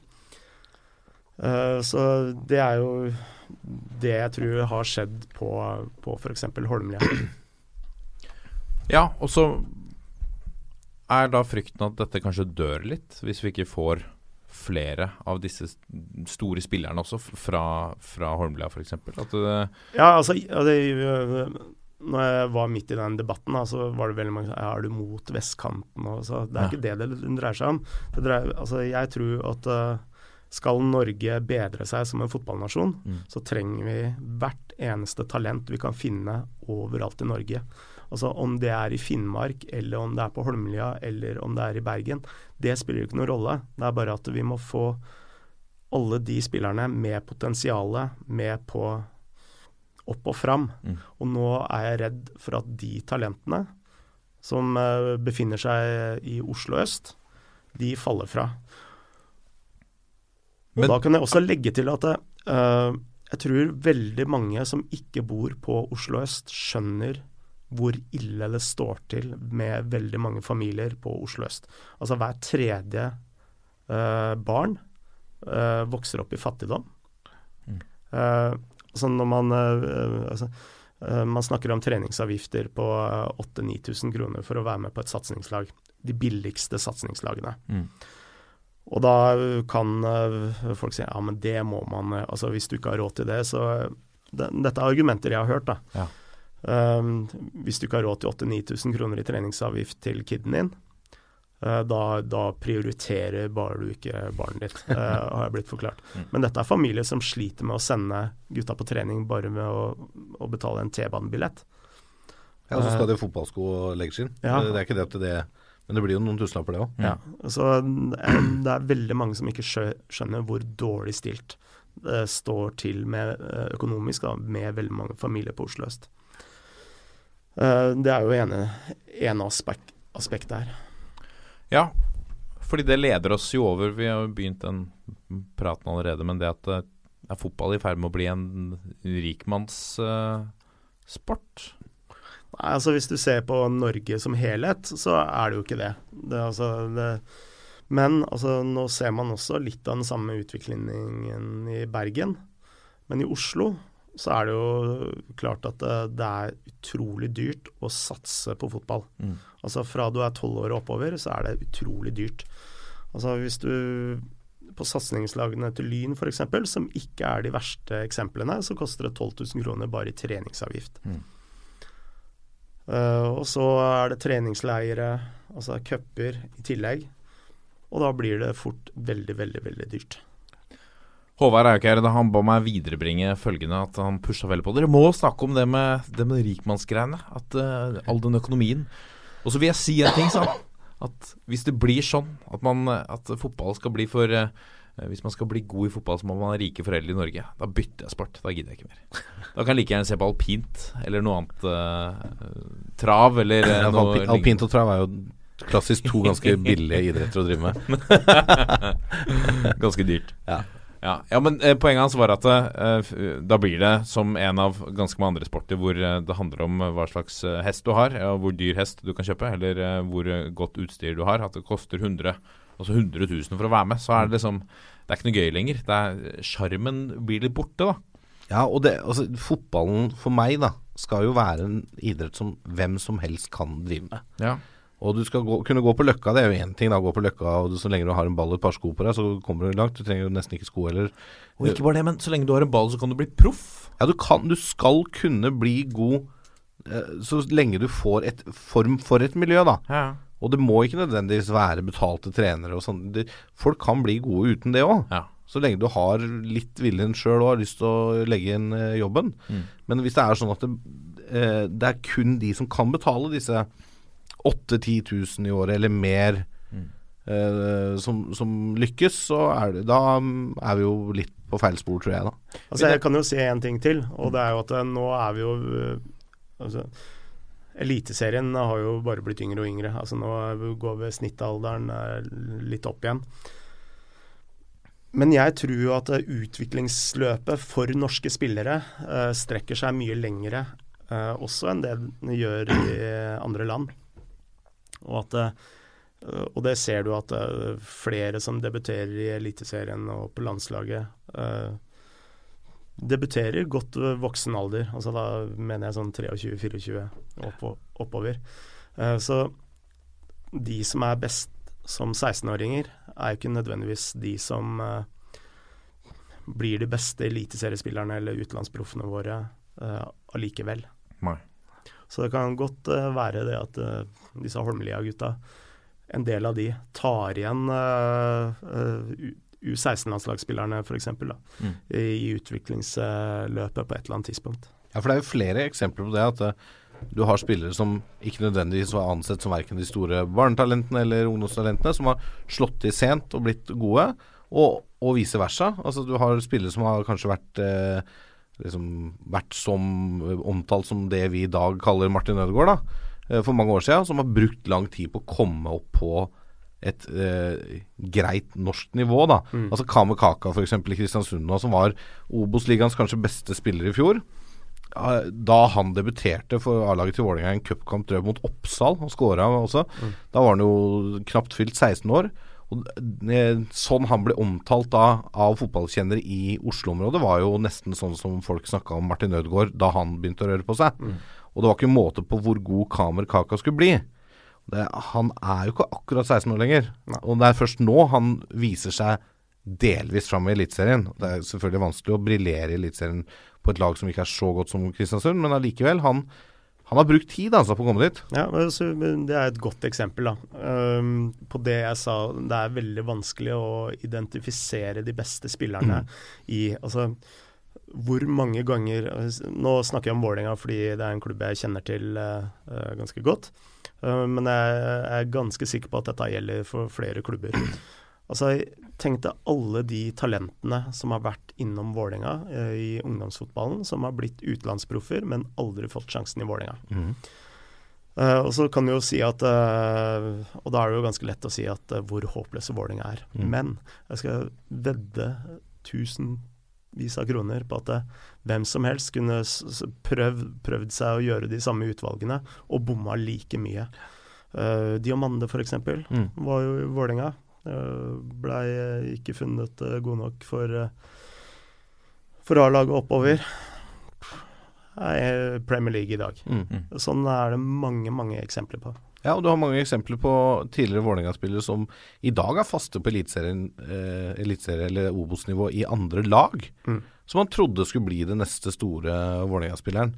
Men som kanskje da ikke tok det riktige steget på riktig tidspunkt. Dvs. Si da juniorkontrakten går ut og de skal opp på A-lagsnivå. Var ikke gode nok da til å forsvare en A-lagskontrakt. Går kanskje til en litt mindre klubb. Får utvikle seg litt videre der i det stille, og så kommer etter hvert. Og det, men da har jo Jeg mener jo allikevel at Vålerenga har jo gjort noe riktig som klubb for å utvikle den spilleren til det nivået han er på da han forlater klubben, da. Mm. På mange måter. Selv om det ikke ble nødvendigvis A-lagsspiller i Vålerenga med en gang. Jo, men eh, da kommer du tilbake til mitt uh, åpningsargument. Mm. Det er at eh, det er jo ikke hva norske klubber gjør fra de er seks år til de er eh, 16 år, som uh, er der skoen trykker. Det er fra de er 16 og oppover. Mm. Mm. Så ja. Hva er løsningen, da? Jeg tenkt det, det, jeg tror Det er et veldig provoserende spørsmål, beklager det, Ja, men- men det er greit. Ja, men jeg har et uh, godt in innspill. Uh, som uh, er vanskeligere å få til i, eh, i Kanskje vanskeligere å få til i de største byene. Men jeg syns jo måten Odd har løst det på, er uh, forbilledlig. Hvordan de istedenfor å, å ta seg altså talentene fra ung alder inn i egen klubb, så tar de trenerressursene ut i breddeklubbene. Uh, og det er to fordeler uh, med det. Det er at eh, du får flere klubber i et nærområde som driver god spillerutvikling. Og man har full kontroll på eh, alle de spillerne som kan bli et godt talent som de kan hente inn til klubben når de blir litt eldre. Mm. Fra 16 år oppover. Eh, og sånn skulle jeg ønske at flere klubber uh, dreiv. Altså, nå er det flere klubber enn Odd som driver på den måten. Istedenfor uh, motvekten, da, hvor man lager sentraliserte akademier uh, og driver veldig snevert. Mm. Og uh, ja. Ja, så har, hvis du har trenere ute det er, det er jo altså du, Men eh, du kan jo ikke si at eh, Stabæk ikke gjør det bra med den modellen. Nei, nei, nei. De gjør det jo kjempebra. Virkelig. Men, men jeg tror for norsk fotball som helhet, så har jeg mer tro på den modellen Odd eh, holder på med. Ja, og med å ha disse trenerne ute, så får de også bedre oversikt, som du sier. Og, og det er kanskje lettere å plukke ut den ene spilleren som de tror kan gjøre jobben også på A-lagsnivå. Som da, og blir den spilleren god i Eliteserien, så kan det også hende at vi får en god spiller på høyere nivå i Norge etter hvert. Og da, og da du favner mye breiere. Og det er helt riktig, den der kompetansedelinga fra de største klubba. Enten om de sender de ut, at ja, nå skal du trene den breddeklubben i to år, eller om, om det er kompetansedeling eh, flere ganger i uka, eller at du har altså, Men må dele den beste kompetansen med flere breddeklubber, er helt enig. Det tror jeg er en vei å gå, altså. Men i Oslo, problemet i Oslo da, det er jo at det er så mange det er så tett konkurranse med mange klubber. Mm. Så man blir jo nervøs at uh, han han tolvåringen som er kjempetalent, nå er jeg livredd for at Lyn skal ta han. Tenker, han. kan uh, Vålerenga tenke Ja, og ja, ja. eh, samme, ikke sant. Så det er Så det når du trekker fram Odd, da, som er jo på en måte eneherskende eh, i, i Telemark-området, og også tar for seg store deler av Vestfold, og er jo en større klubb også enn Sandefjord. Mm. Så, så de er jo på en måte førstevalget, vil jeg tro, hvis valget står mellom, mellom de to. Så er det jo Da er det jo gitt at den modellen vil fungere bedre, for de har jo ikke en frykt av at uh, Siljan snapper en, en spiller foran de. Nei, men uh, samtidig så er det noe i den modellen, da. At uh, Jeg har ofte lurt på hvorfor det er så mange Altså Holmlia-spillere i Lillestrøm, f.eks. Mm. Som har vist seg å bli kjempegode. Altså, dette dreier seg mye om et sånt agentspill og sånt, så det er, altså, det er masse ting bak kulissene her som ikke dreier seg om det, ikke sant. Men, eh, men likevel så Eh, så skulle jeg ønske at flere av de store klubbene i de største byene sprer kompetansen sin eh, enda mer. Rosenborg har gjort det i, i Trondheim. De har jo holdt på sånn i mange, mange år. Ja. Um, men eh, altså, de er jo også litt i samme situasjon som det Odd er. Ikke sant? De er jo Mm. eneherskende. Så Molde, Ålesund. Litt tettere konkurranse, kanskje. Men uh, Frode er inne på noe med det konkurransen i Oslo. Uh, for det, det er jo flere tilfeller hvor gode unge talenter har valgt andre klubber enn toppklubbene også, fordi at de er bedre kanskje på spillerutvikling opp til en viss alder. At de heller vil gå det løpet. Ja. Eh, og kanskje få spille seniorfotball tidligere enn du får i Vålerenga, Ja. Stabæk, Lillestrøm, da. Hvor det er eliteserienivå. Men samtidig så har du jo Vålerenga hadde en sånn mantra en periode hvor det var Vi skal utvikle én A-lagsspiller i året, men det er ikke nødvendigvis at han skal spille på, på Vålerenga-A-laget. Altså, det var liksom Ja, det er litt fint, da. Ja, og det, da tenker jeg da, da tenk, har du i hvert fall en riktig tan grunntanke, da. At eh, ok, det er ikke sikkert han blir god nok for oss, men hvis vi klarer å produsere en to norsk toppfotballspiller i året, Mm. altså Obos eller Eliteserien, så gjør vi noe riktig med spillerutviklingen. Mm. Eh, og det er mange, igjen mange tilfeller av spillere som ikke har blitt gode nok for A-laget til Vålerenga, men som spiller i andre klubber og har vært via andre løp, og kanskje nå er for gode til å gå tilbake til Vålerenga, men allikevel, ja. Ja, og Det argumentet er med et A-lag, da. Vi har snakket om det i flere episoder her, hvor den viktigheten av kanskje å spille for et A-lag kontra et, eh, et reservelag i, i annendivisjon. Det er kanskje større å spille, spille for eh, A-laget til eh, hva skal man si, Gryner i, i fjerdedivisjon enn B-laget til, til Vålerenga i andre. Altså bare det å uh, Ja, du var ikke helt enig i det, Lasse. ja men jeg, jeg, jeg, jeg skjønner hvor du Men vil det å gå løpet, da. Ja. Gå løpet og etter hvert banke på A-lagsdøra og kjenne på det å spille for et A-lag, hvor Mm. det faktisk kommer folk på tribunen og forventer ting av deg. Men Så tror jeg steget derfra til et uh, etter hvert et A-lag på Vålinga er skjønner, enklere. jeg skjønner tanken din veldig godt. Altså, I 2012 så besøkte Josimar Feyenoord. Mm. Altså, de vant uh, æresdivis. eh, eh, første gang på 18 år uh, i helgen. Og de har jo et ungdomsakademi som har blitt kåra til Nederlands beste seks år på rad. Uh, ikke i fjor, men de seks foregående årene. Og måten de har gjort det på, det er ganske annerledes enn det f.eks. Ajax gjør det på. Altså Det de satser på, det er å ha en kjerne i et lag som de har lengst mulig. For de skjønner jo det at eh, det er kanskje bare én eller to spillere på et lag som blir faktisk eh, Feyenoord-spillere. Eh, Så for dem er det veldig viktig å ha en stamme fra de er 11-12 år, og helt opp til og med junior. Så mm, du får Altså det er veldig lite sånn hospitering, f.eks., opp og ned. Eh, Så du, du får en sånn utviklingsarena lik den du er eh, hvis du hadde spilt i en, eh, en, en, på et vanlig A-lag, f.eks. Altså du har de vanlige analysene før kamp, etter kamp. Altså du har den treningssyklusen som ikke blir avbrutt, osv. Og det skaper trygge rammer rundt den ene spilleren som skal bli Feyenoord-spiller. Mm. Og det syns jeg er også noe som er en uting i norsk fotball. Det er at eh, disse utviklingsmiljøene de brytes opp hele tiden. Fordi konkurransen eh, for å kappe seg de beste 12-13-14-15-16-åringene er så stor at eh, du liksom bryter opp lagene på Gryner, på Oppsal, på, på Nordstrand etter hvert. Uh, og da blir det litt sånn verken fugl eller uh, fisk i mange Altså det er, det er ofte lag med mange gode spillere, men som ikke blir gode lag. Uh, så det savner jeg litt. Og det du er inne på, Martin, jeg er helt enig, men vi heller da bruke eksempelet nå, da. Skeid kontra Vålerenga. Jeg, Ja. tror det, jeg tror det er en helt annen Ja, ja. Uh, følelse å spille A-lagsfotball for Skeid i andredivisjon enn det er å spille for Vålerenga 2 i andredivisjon. Mm. Det er noe med lagfølelsen, at det er de du trener med hver dag. På Vålerenga 2 plutselig kommer det ned fire fra A-laget også. Det er noe med det. Mm. Kanskje i det lange løpet et bedre løp for en ung spiller å gjøre det, etablere seg på det Skeid-laget i andredivisjon til han er 19, og så ta steget. Ja.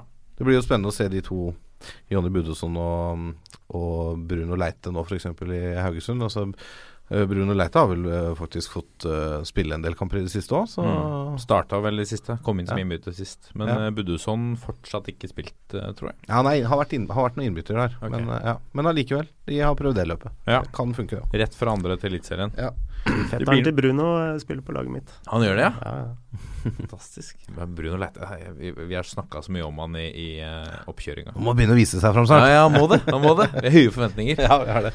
Vi uh, kunne sitte her Frode, og snakka til i morgen. Um, og det kunne jeg gjerne gjort, faktisk. Det har vært veldig, veldig hyggelig. Vi, vi la ut på, på Twitter at du skulle komme i dag, uh, og så fikk vi noe, noen spørsmål eh, som du kan jo prøve å svare på. Eh, fra Tore Dahl, begynner med han. Uh, gå inn på avsløringer i boka Football Leaks sammenlignet med det Josemar har fronta. Er det noe som er likt, eller noe som ikke er sjokkerende? Altså, det som er ulikt, det er jo at vi setter i en journalistisk sammenheng. Altså, Football Leaks de avslører jo, akkurat som Wikileaks, eh, dokumenter som, eh, som eh, media kan eh, lage saker ut av. Det er vel den store forskjellen. Og eh, særlig i de spørsmålene som dreier seg om Fifa og Uefa, så er det jo det å liksom, som man connect the dots, som det heter på engelsk, som er, er det viktige. Football League er, det er litt bra at de finnes også. Altså, jeg, jeg mener at å få noe av disse tingene ut og, ut og fram i lyset Det er jo mye av det samme som, som dere gjør, men presenterer det på en litt mer eh, En måte som gjør at det er kanskje enklere å forstå, og enklere å, å koble disse tingene sammen. Ja, altså det er en viktig oppgave. Altså, nå har vi jo snakka om eh, hvorfor eh, norsk fotball har eh, gått så nedover. Altså, vi, de siste 17 årene så har vi jo liksom ramla nesten 15 plasser på Uefa-rankingen, og jeg tror media har en stor rolle i akkurat det. Altså, når profesjonaliseringen av norsk fotball eh, fant sted på tidlig 90-tall, Mm. så var det jo ikke noe journalistikk på, på fotballen som en bransje. Det, det har liksom kommet nå de siste seks-syv årene. Ja. Benjamin Sears, uh, Ben Sears på Twitter, kan han drive litt uh, lobbyvirksomhet for å få Tor Christian Karlsen til Lillestrøm? Uh, skal jeg det? Altså, jeg snakker med ham nesten daglig. Skulle ikke hatt den i Vålerenga isteden, sier jeg da. Ja, altså Jeg, jeg, jeg tror For det første så tror jeg ikke Tor Christian Carlsen har så stor standing i norsk fotball. Og det syns jeg er veldig rart. Ja. Um, og Men- det tror jeg Men ja. har, han, har han en dårlig standing, eller får han ikke kred nok for de, de tingene han har gjort? Nei, Altså, øh, nei, jeg tror få veit, altså i klubbene veit på hvilket skyhøyt nivå han har jobba på. Ja. Kan tenke deg at øh, det Champions League-laget til Bayer Leverkosen altså Han øh, kommer jo til å nekte for det, men Mm. jeg veit, etter å ha besøkt Leverkosen, at det Champions League-laget, det var jo Tor Christian Carlsen som satt det sammen. Altså, det er han som fikk øh, spillere som Lucio, f.eks. Men han var sp speider i for Leverkosen? Ja. Ja. Så alle disse brasilianerne som kom til Leverkosen f.eks., de var jo eh, scouta og henta Tor Christian. Ja. Og den reisen Monaco har vært på, eh, den var jo også Tor Christian med å starte. Han ansatte Ranieri i sin tid? Ja, han var jo sportsdirektør eh, et par år. Mm. Eh, så altså, hvis du ser på det Monaco-laget i dag, det som er så imponerende med det, det er eh, hvor billig det er, Ja. og hvor godt det er. Og Grunnen til at eh, Monaco har de spillerne de har, det er jo en del av det scouting-nettverket som Tor Christian fikk på plass som sportsdirektør i Monaco. Eh, og eh, ja. Ja, for de lå jo det, Det ble putta mye penger inn, og så, og så lå de litt nede en periode. Og så Altså, har når de Christian kommet seg veldig- begynte, så var det jo eh, i ligg da. Ja. Ja. Med Torstein Helstad og, og Ja. ja. Tor Christian henta Torstein Helstad? Nei, Nei, han var der. Jeg tror han heller sparka han. Sendt den hjem.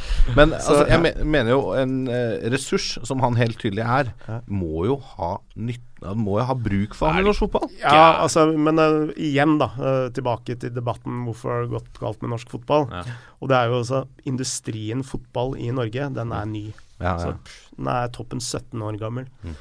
Uh, så vi Det er veldig, veldig få klubber som har drifta dette som en, eh, som en butikk. Mm. Altså da hadde Rosenborg pga. Champions League i mange år. Mm. Men eh, et, eh, en klubb som Sarpsborg er egentlig et sånt eksempel på hvordan man egentlig skal gjøre det. Som har kommet langt ved å, å, å ta fotballindustrien på alvor. Mm. Og der har jo ikke norsk fotball vært i det hele tatt. Eh, og det, så det er veldig mange som ikke er bevisst på, på den ressursen Tor Christian kan være, da, i og med at det, det har jo ikke vært noen fotballindustri å snakke om. Og det ser du bare den, hvordan investorer blir brukt i norsk fotball. Eh, som, eh, hvor investorer låner penger til klubber for å kjøpe spillere. Og så når den spilleren blir solgt igjen, så må du levere tilbake alle pengene tilbake til investoren. Mens det å selge fotballspillere, det er jo det er jo inntekt nummer én for enhver, øh, for enhver fotballklubb. Mm. Så det å ikke sitte på inntektssiden av sånne transaksjoner, gjør at hele butikken din egentlig er død. Mm. Um, Kunst i livet. ja, kunst i livet. Altså du, du driftes på nåde av en investor. På samme måte så vil vel de som er u- uenig i det, eller står på andre siden, vil si at ok, men med han spilleren på plass, så har vi større forutsetninger for å f.eks. klare en europaplass, hvor det henger der er det penger som, som frister. Eh, Ja, og da kan trekker flere spillere Nei, tilskuere til stadion osv. Ja, og da kan jeg kontre med øh, hva veit om den spilleren du har henta? Og det er jo tilbake til det å ta øh, fotballindustrien på, på alvor. Hvor mange scouter er ansatt i norsk fotball? Altså Det er veldig få. Altså Det er flere i dag enn det det var for to-tre år siden. Men uh, hvis du går tre-fire år tilbake, så var det en og en halv stilling, scouting-stilling, i norsk fotball. Det vil si at øh, de aller, aller fleste spillerne som har blitt henta fra utlandet til Norge for å sikre den europacupplassen som du sikter til, Mm. det er eh, etter lovnader fra agenter eller highlights fra DVD-er. Mm. Eh, Ja, sant. eh, sånn kan du gå gjennom overgang til overgang til overgang. En sportsdirektør eh, fortalte meg nå nylig at han afrikaneren vi henta, det var bingo. Ja. Men, vi, men vi, vi traff bingo. Ja. Uh, så, uh, så igjen, da. Så har, det er liksom eh, prøv og feil-metoden. Hmm. Men vi leser jo med jevne mellomrom om disse overgangene hvor det er virkelig katta i sekken. Altså man har blitt grunnlurt. Var, Altså, vel var det Fløy eller eh, en klubb oppi der som hadde Han hadde vært rundt på ti forskjellige klubber, men eh, hos Fløy veggen napp, da? Altså, jeg jeg veit ikke om dere, har hatt eh, Stig Torbjørnsen på besøk. Ikke hatt. Har han på lista? Jeg har på lista. Mm. Men én ting han sier som er uh, veldig, veldig lurt, det er jo at en, en, en scout er jo ikke der for å nødvendigvis hente nye spillere, men han er der for å kvalite kvalitetssikre de spillerne du faktisk henter, Mm. og, og si nei. Ja. Ikke sant? Eh, og sjalte ut de som absolutt ikke skal til klubben, som Mm. du gjerne betaler. Altså, vi, vi har jo eksempler på spillere som har kosta norsk fotball fra 20 til 30 millioner, som knapt nok har spilt fordi de har enten hatt en skadehistorikk som eh, man ikke har fått med seg, eller rett og slett ikke vært god nok. Eller hva sier du? Ja, ja, det er jo ikke tvil om at det har vært eh, nok av de eh, overgangene i norsk fotball.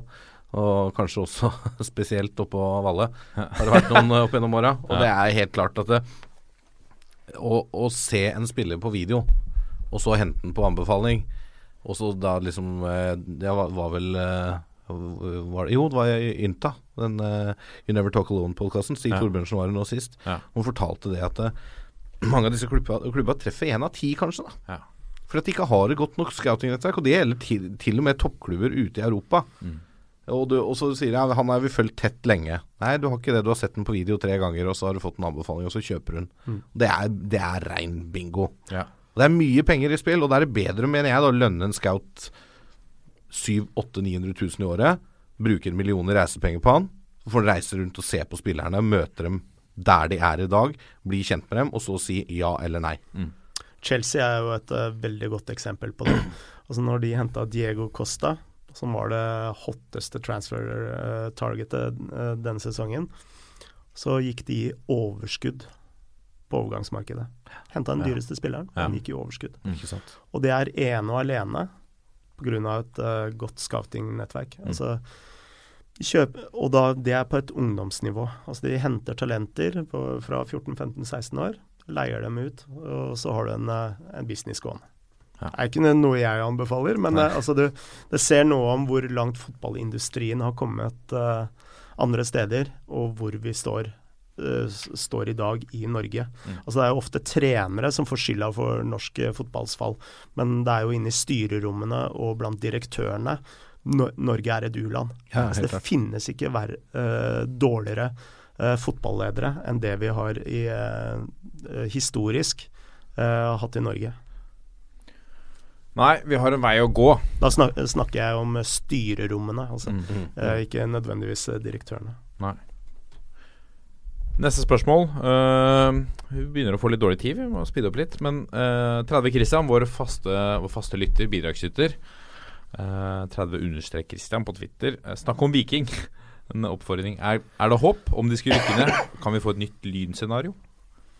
Ja, altså øh, Viking er jo en av to eliteserieklubber som er i rød sone. Dvs. Si at det er veldig begrensa for øh, nye spillere de kan hente inn.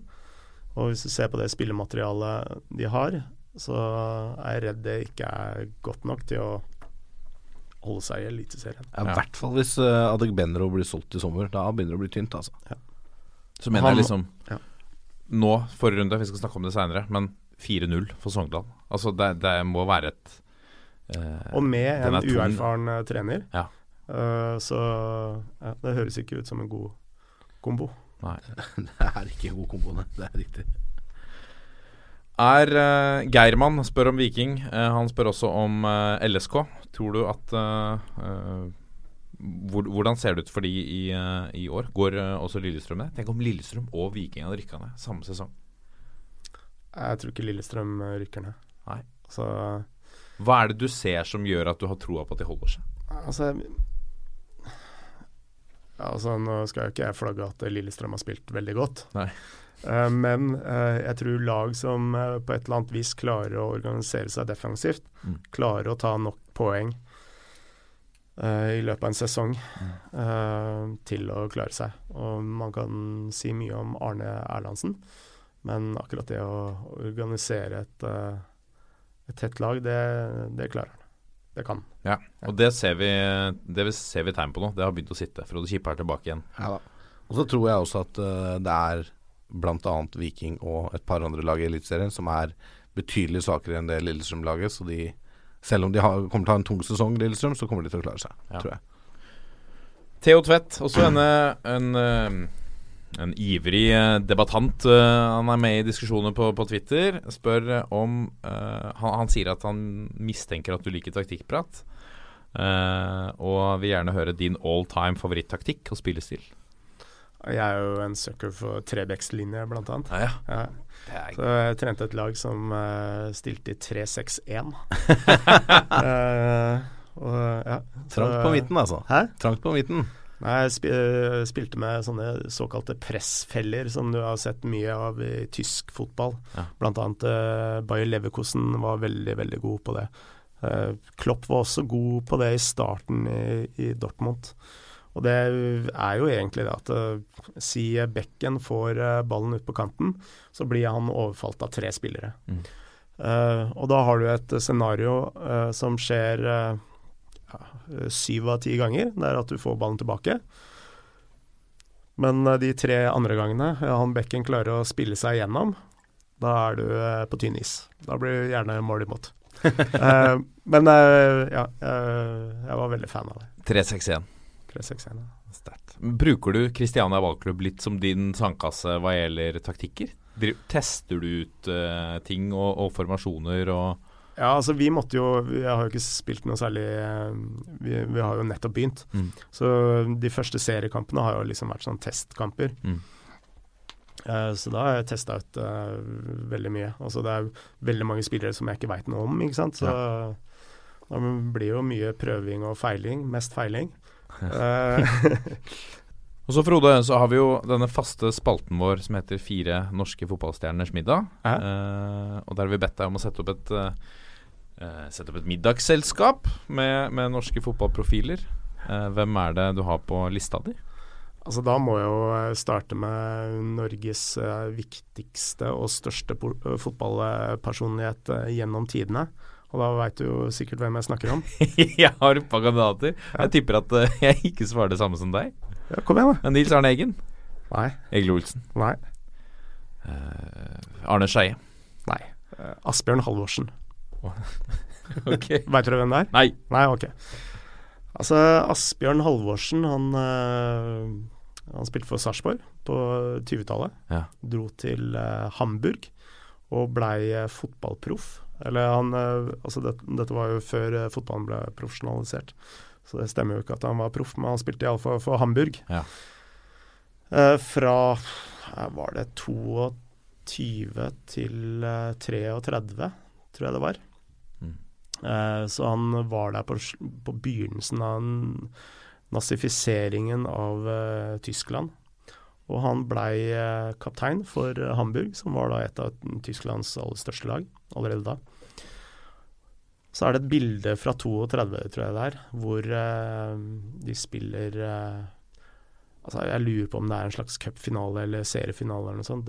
Det skal, skal jeg ikke si for sikkert. Men uh, iallfall så står eh, ti Hamburg-spillere og gjør nazihilsen, Ja. mens én spiller holder eh, armene sine demonstrativt ned. Og det er altså, kapteinen Asbjørn Halvorsen. Det er sterkt. Ja, veldig sterkt. Um, Men det, også- må ha vært, det kan ikke ha vært populært, det da? Nei, det var ikke populært. Men eh, Asbjørn Halvorsen var kjempepopulær i Tyskland. Ja. Så tyskere ville ha han som tysk landslagskaptein, og spurte om han ikke kunne bytte statsborgerskap, så han kunne begynne å spille for, uh, for uh, Tyskland. Yes. Men på begynnelsen av 30-tallet så begynner han å synes det er ganske ubehagelig å være i Tyskland, så han drar tilbake til Norge. Og etter hvert så blir han jo landslagstrener. Og eh, er treneren til Norge, bl.a. bronselaget. Så han er treneren for bronselaget. Yeah. Um, og uh, det er vel uh, rett og slett kampfiksing som gjør at Norge ikke kommer seg til, til finalen. Ja. Og han uh, var eh, ja, den eh, største og viktigste fotballtreneren Norge noensinne har hatt. Men han hadde mye sånn rart for seg òg, annet at uh, spillerne skulle ikke drikke vann på kampdag. Ok. Så de fikk eh, ett kopp melk. uh, nei, en kopp melk og så en kopp uh, kaffe. Det var det de fikk lov til å Så det er mange som hevder at i semifinalen at alle spillerne ble dehydrerte. Ja, Det var derfor det røyka. Ja. Men etter under, Altså når han kommer tilbake igjen, så eh, før krigen, så blir han jo også Norges første generalsekretær i Fotballforbundet. Ja. Uh, og står bak uh, idrettsstreiken og, og fotballstreiken. Så uh, alle, alle serier og sånt blei jo lagt ned og boikotta under andre verdenskrig. Og det var det Asbjørn Halvorsen som sto bak. Så idrettsstreiken og lærerstreiken går for å være de viktigste streikene under, under andre verdenskrig. Mm. Eh, tyskere blir drittleien, så i 42 så sender de en ned i konsentrasjonsleir. Og, Det, for et fall fra å være ønsket som landslagskaptein til rett i konsentrasjonsleir. og sitter i Sachsenhausen annet, eh, sammen med, med Gerhardsen og alle de. Altså, veldig mange av de skriver jo i sine biografier at det, det var Asbjørn Halvorsen som holdt motet vårt uh, oppe. Det var, det var tøffingen. Som eh, når noen hang med hua, så var, var, var Asbjørn Halvorsen der med en eneste gang. Du kommer da faen meg opp. Eh, den holdningen. Eh, men eh, han blir sendt til eh, en annen konsentrasjonsleir som heter Akau, tror jeg det var. Som gikk for å være den aller verste eh, konsentrasjonsleir. Mm. Og der sies det at uh, senterhafen på laget til Hamburg i 32 var eh, hans uh, fangevokter. Ja. Såpass, ja. For en historie. At Fantastisk gikk, historie. Ja, helt fantastisk historie. Uh, og han uh, gikk for å være en sånn eh, En plugg. En eh, god plugg. Men når han ble henta av de hvite bussene Ja. eh, i, eh, i Tyskland, så veide han nesten ingenting. Altså Han var helt total uh, utmagra. Ja. Men han fortsatte som eh, generalsekretær helt uh, fram til han døde. Ja. Eh, så vel, seriesystemet blant annet, som vi har i dag, var, var liksom Asbjørn Halvorsen som eh, fikk opp og bygde opp Fotballforbundet på godt vei på, mot det vi er, har i dag. Mm. Så um, det er vel eh, norsk fotballs aller, aller viktigste, viktigste mann. Da er jeg spent på de to andre du har eh, invitert, eller skal invitere. Ja, altså Nå fikk jeg nettopp vite at uh, altså, det bare skulle vært nordmenn, men uh, altså, jeg må jo nevne en sånn Brasil-link. da. Ja. Uh, og det er en journalist og en trener som jeg har vært fascinert av i lang, lang tid. Og det var uh, Jao Saldana. Så han var fotballspiller for Botafogo. Mm. Skikkelig temperamentsfull type. Som blei journalist etter aktiv karriere. Sportsjournalist. Ja. Eh, det som var det spesielle, det var jo at han eh, plutselig, helt uten erfaring, blei eh, trener for Botafogo og senere for landslaget. Og han var en, det man kan kalle en kompromissløs jævel. Og dette var jo midt under militærdiktaturet i Brasil. Så han st- har fortsatt rekorden for, den, for å være den landslagstreneren med høyest uh, seierssnitt. Mm. Han gikk ubeseira gjennom hele kvalifiseringen opp til 70 VM. Men plutselig så ble han innkalt til presidentens uh, kontor. Uh, fordi Saldana hadde utelatt stjernespissen Dario. Eh, og da sier eh, president Medici at eh, jeg vil gjerne at du setter Dario inn på laget. Hvorpå Saldana sa jeg har et par ministerposter jeg ønsker å, å, å diskutere med deg også, president. uh, og blei da uh, sparka, og Zagallo uh, tok over. Ja. Var en gang eh, Flamengo-trener som drev og kritiserte den mens han var Botafogo-trener. Og da møtte han opp på Flamengo-treningen med pistol. Hei. Han vil du ha på middag. Ja, greit. Han vil jeg ha på middag. Og neste Siste. Ja, uh, Sistemannen han er jo ofte på middag uh, med, faktisk. Og det er svigerfaren min, Å, eh, Erik Karlsen. Ja. Uh, som har eh, fortsatt rekorden for det raskeste hat tricket i eh, Eliteserien. Og når var dette? Dette var i 77, tror jeg det var. Ja. Lillestrøm mot uh, Mjøndalen. Som er Han var vel egentlig Strømmen-spiller, som blei Lillestrøm-spiller, som blei Vålerenga-spiller, som blei Strømmen-spiller igjen. Ja.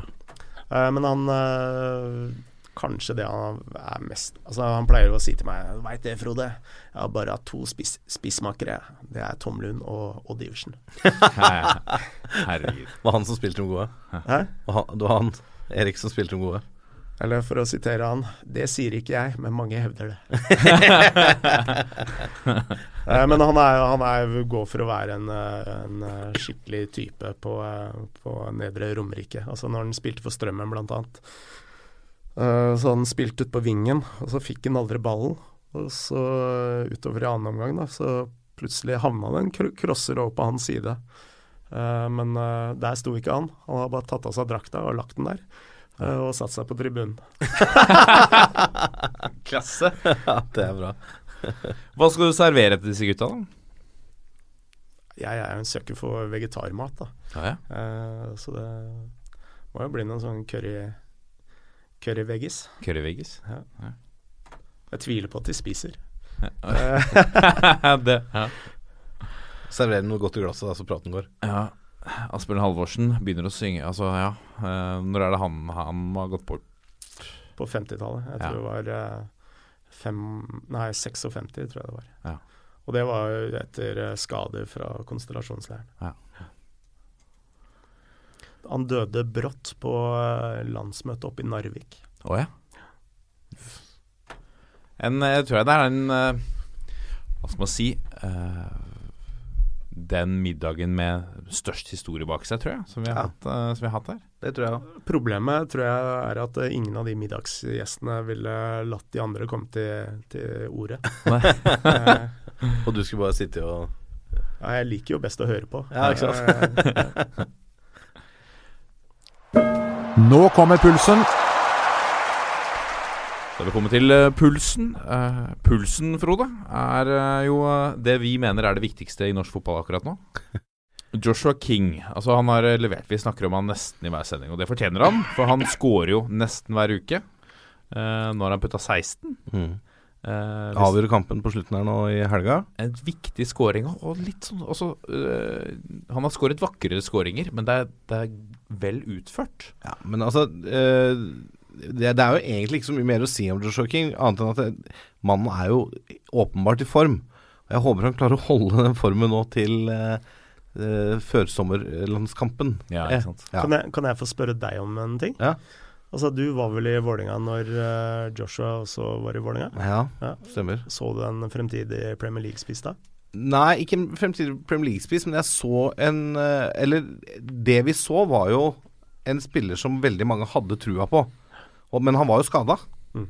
Så han fikk A-lagsoppfølging som 16, som, eller før han var 16, for å bli frisk. Fordi at Vålerenga hadde så trua på han og trodde at dette er en spiller som kommer til å bli stor for, som, som kan bli stor for Vålerenga. Så han fikk, eh, fikk oppfølging av Håkon Schwabe, som nå er i, mm, i Rosenborg, blant annet. Fikk skikkelig oppfølging som en A-lagsspiller, selv om han ikke var i nærheten av A-lagsnivå. Og så var det vel på 16-årsdagen han signerte i Manchester, vel. Og da var, da er klart da var noen som var litt lange i maska og litt bitre oppå ballet da. Forståelig, det. Eh, for da hadde de hadde liksom brukt så mye tid og ressurser på å få ham på beina. Hva het agenten hans? Eh, det må vel ha vært Jim Solbakken, vel. en eh, populær mann eh, En mann som leser Josimar hver, hver uke. Ja, det tror jeg for å følge med om det skrives noe om han. Ja, det er akkurat det. Det er akkurat. Ja, nei, så da var det litt dårlig Ja, det var mange som følte seg litt snytt der. For det, han, det ble brukt mye ressurser på han i Vålerenga, altså. Virkelig. Vi har snakket mye om utvikling av, av norske fotballspillere. Jeg så Nils Arne Eggen i dag var ute, og han er, jo vært, han er jo veldig kritisk til at norske fotballspillere går ut for tidlig. Ja. Nå sa han at Fredrik Mitsjø har gjort en like god karriere som Joshua King så langt. Ja. Eh, det er nok satt litt på spissen av journalisten, men, men eh, han mener jo fortsatt, selv den dag i dag, selv om Joshua King nå står med 16 mål, at han skulle blitt i Norge litt til. Ja. Hvor står du i denne debatten, Frode? Syns du at norske Altså, er det greit å gå og dra utenlands når de er 15? Edvard Tagseth f.eks., som dro da han var 14, vel? Mm. Spiller på G17 nå. Ja, altså, det er jo ikke noe fasit på, på akkurat det. Uh, men uh, Nils Arne Eggen har jo et poeng. At uh, veldig mange av de som drar ut, er jo ikke i nærheten av det nivået eh, som skal til for at man skal få spille. Um, og det så du veldig godt uh, med de spillerne som Nils Arne trente selv Mm. uh, under gullæraen.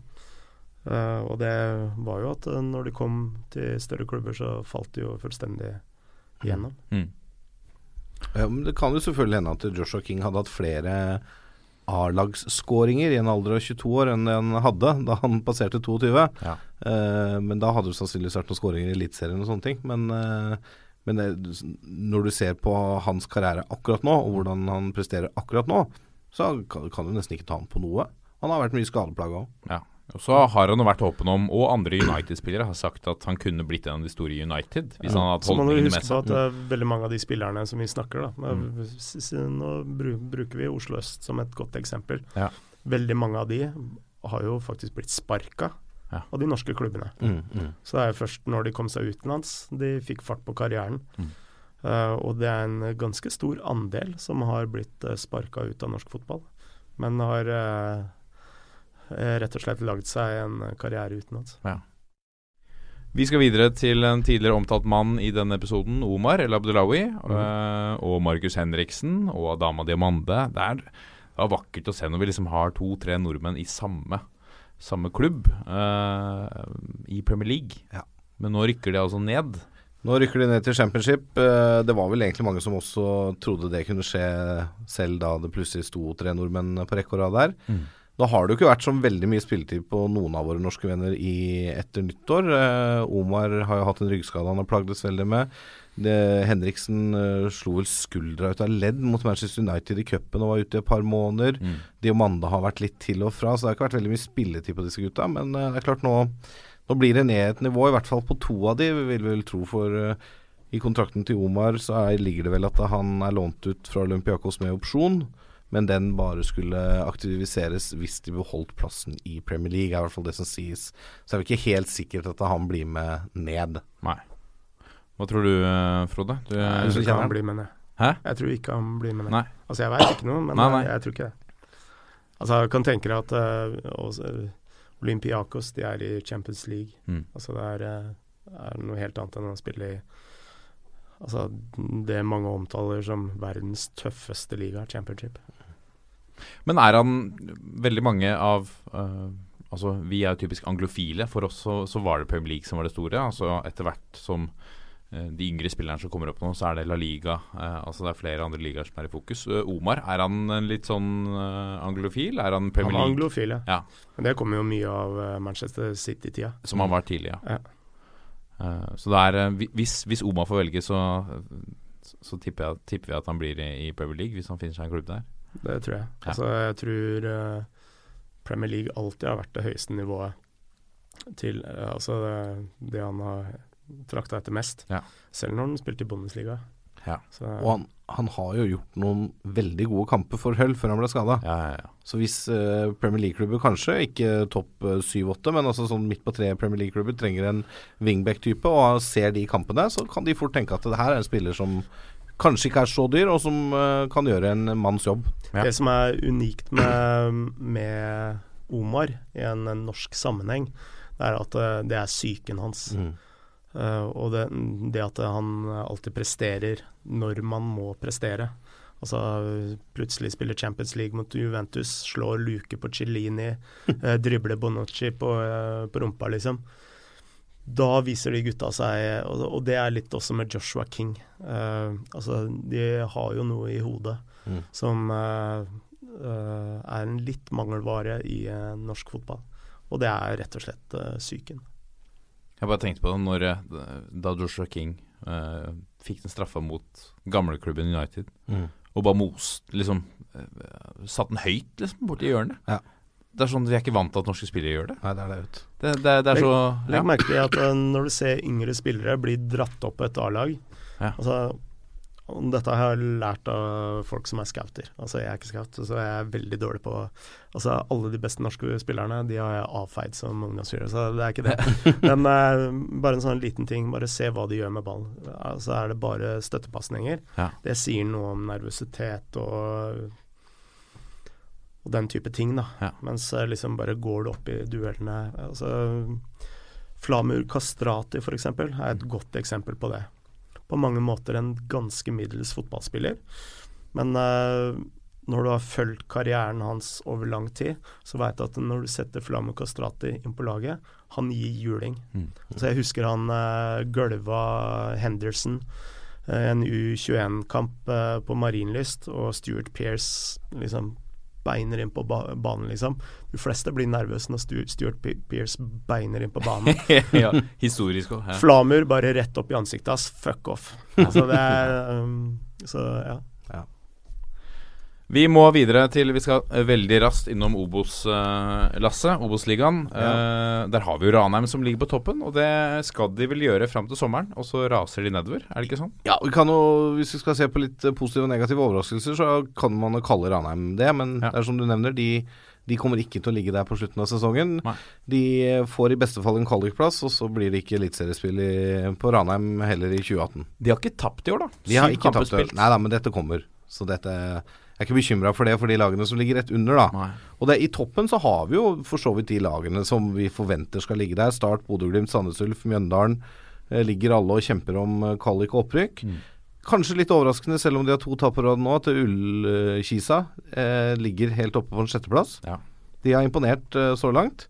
Og så må vi jo si i bånn av tabellen at eh, selvfølgelig Fredrikstad og Kongsvinger de skuffer voldsomt. Nei, ja, ja. Og jeg syns også Jerv har eh, prestert mye dårligere enn vi kunne forvente før sesongen.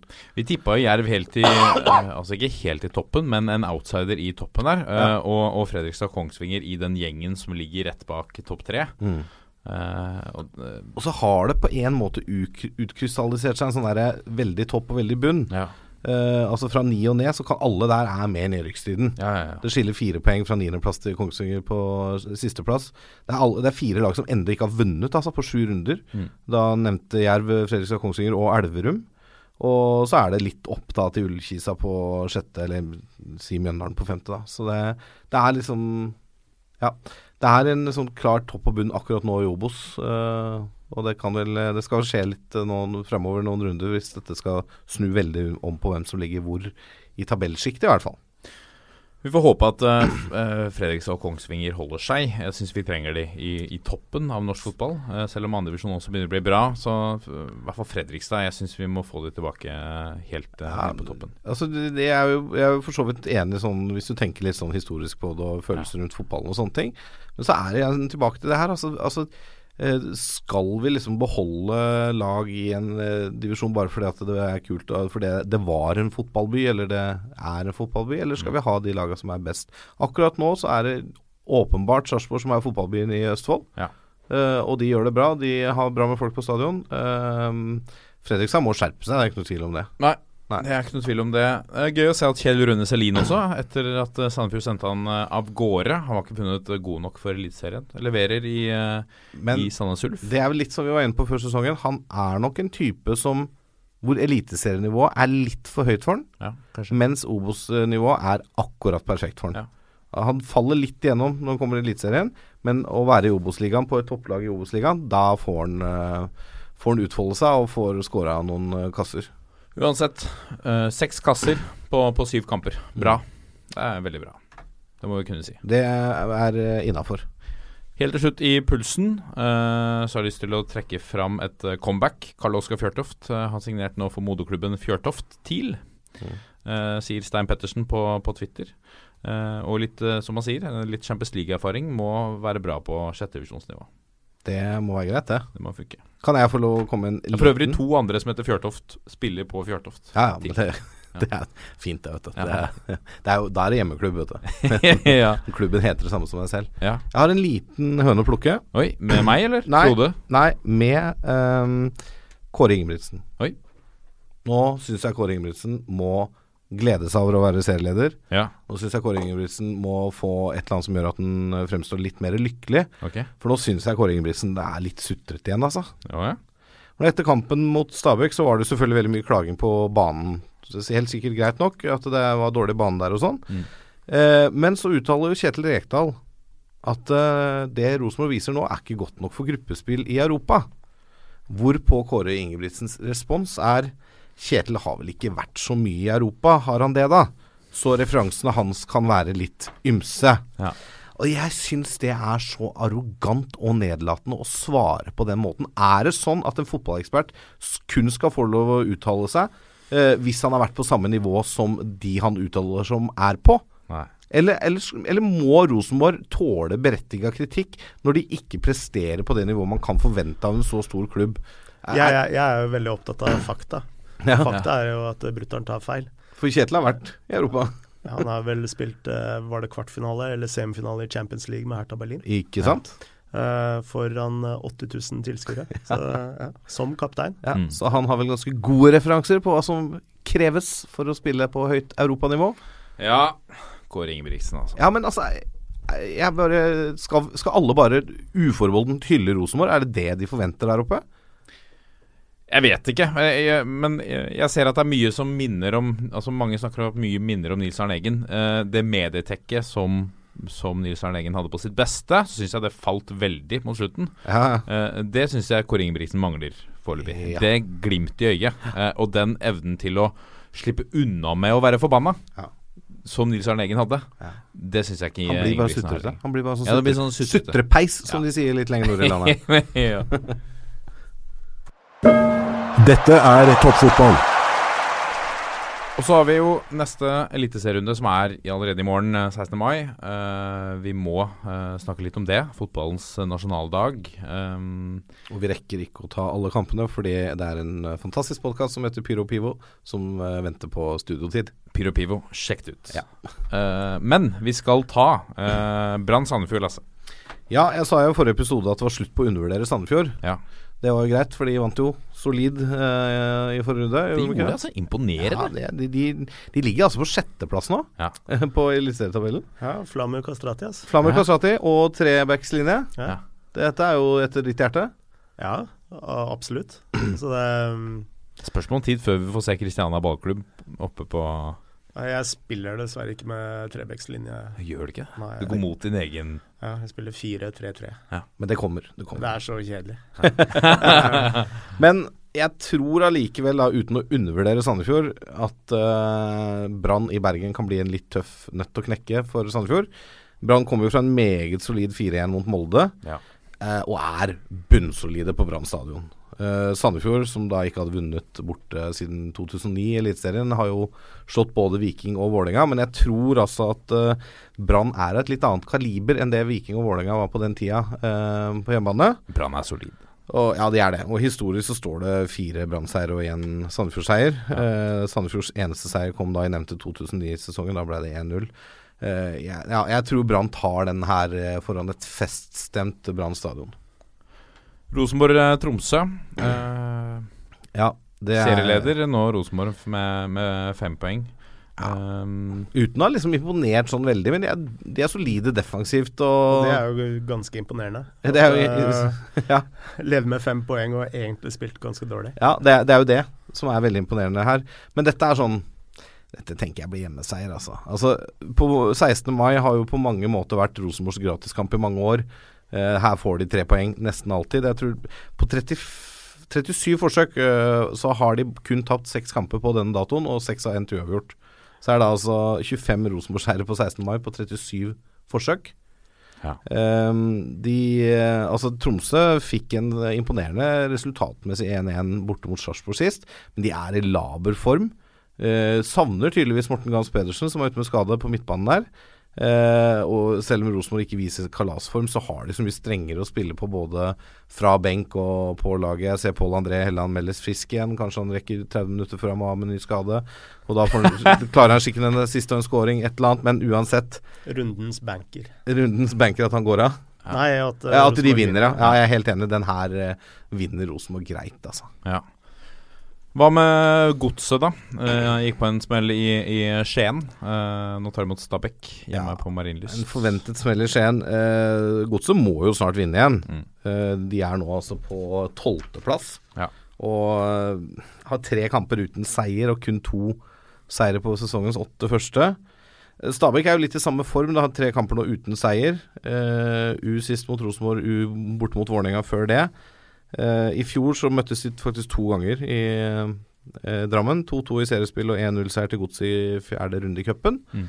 Eh, og sånn forholdsvis jevn historisk taktikk. Eh, jeg tror jeg, jeg har litt trua på at nå, nå kommer den etterlengta seieren til Strømsgodset. For jeg tror Stabæk er litt grann der nå at de begynner å vise tendenser til det nivået de egentlig ligger på. Jeg tror de overpresterte litt grann i starten av sesongen. Mm. Uh, men det er klart, får, uh, får Stabæk fart på kontringsspillet og OI kommer seg innafor tre meter fra kassa, så er det jo fort mål. Ja. Så, men uh, for Stabæk Nei, Strømsgodset, de, de er fortsatt eh, shaky, rett og slett. Ja. De, de virker ikke solide. Altså de har, det er jo en skute som er eh, snudd eh, 360 grader, med tanke på spillestil i hvert fall. Mm. Eh, og det virker som de spiller en type fotball som de ikke kler. Ja, og det er litt, Ifølge Håvard i hvert fall, så er det begynner å bli et folkekrav i byen. Ikke om Ok. at Skullerud skal gå, men om at uh, nå må vi finne tilbake til den fotballen vi var gode på. Ja. Hvorfor har vi bytta? Og det går vel på Altså, han må gjøre som deg, eh, Frode. Spille en annen fotball enn den han har ligger hans hjerte nærmest. Ja, ikke sant. Og der, der ser du jo eh, altså de store ytterpunktene mellom trenere. Det er de som prakker på sin egen Angelotti Ancelotti er jo helt det motsatte. Han forandrer jo eh, både formasjon og spillestil etter hva slags spillere eh, han har, og ikke prakker på sine egne ideer på, på et lag. Det blir en spennende 16. mai. Uh, En fest. Ja, det er jo en Fest. fest. Fotballens nasjonaldag. Russen, og det er, eh, det er dagen for dagen. Det er uh, Ja, det er bare å komme seg på kamp. komme seg på stadion. Ja. Uh, de kampene er mye morsommere på stadion enn hjemme på TV. Helt klart. Mm. Vi uh, må runde av der, vi. Ja. Uh, og så må vi avslutte med å si at vi er Toppfotball på Facebook, Twitter og Instagram. Og, Og nå e-post. også på e-post. Send oss en e-post. Uh, toppfotball at 451.no. Fantastisk. Med spørsmål, eh, innspill, et eller annet vi kan eh, snakke om. Det setter vi stor eh, pris på. Frode Lia, takk for at du finnes. Eh, takk for at du har laget Josemar, og takk, Takk. for at du kom eh, hit. Bare hyggelig. Det har vært veldig veldig spennende. Jeg skal rett hjem og google eh, gjestene dine fra middagen. Eh, Lasse, vi må avslutte på den måten vi alltid gjør. Da sier vi vi er en gjeng. Vi er en gjeng. Vi er en gjeng. Yes. Ha det!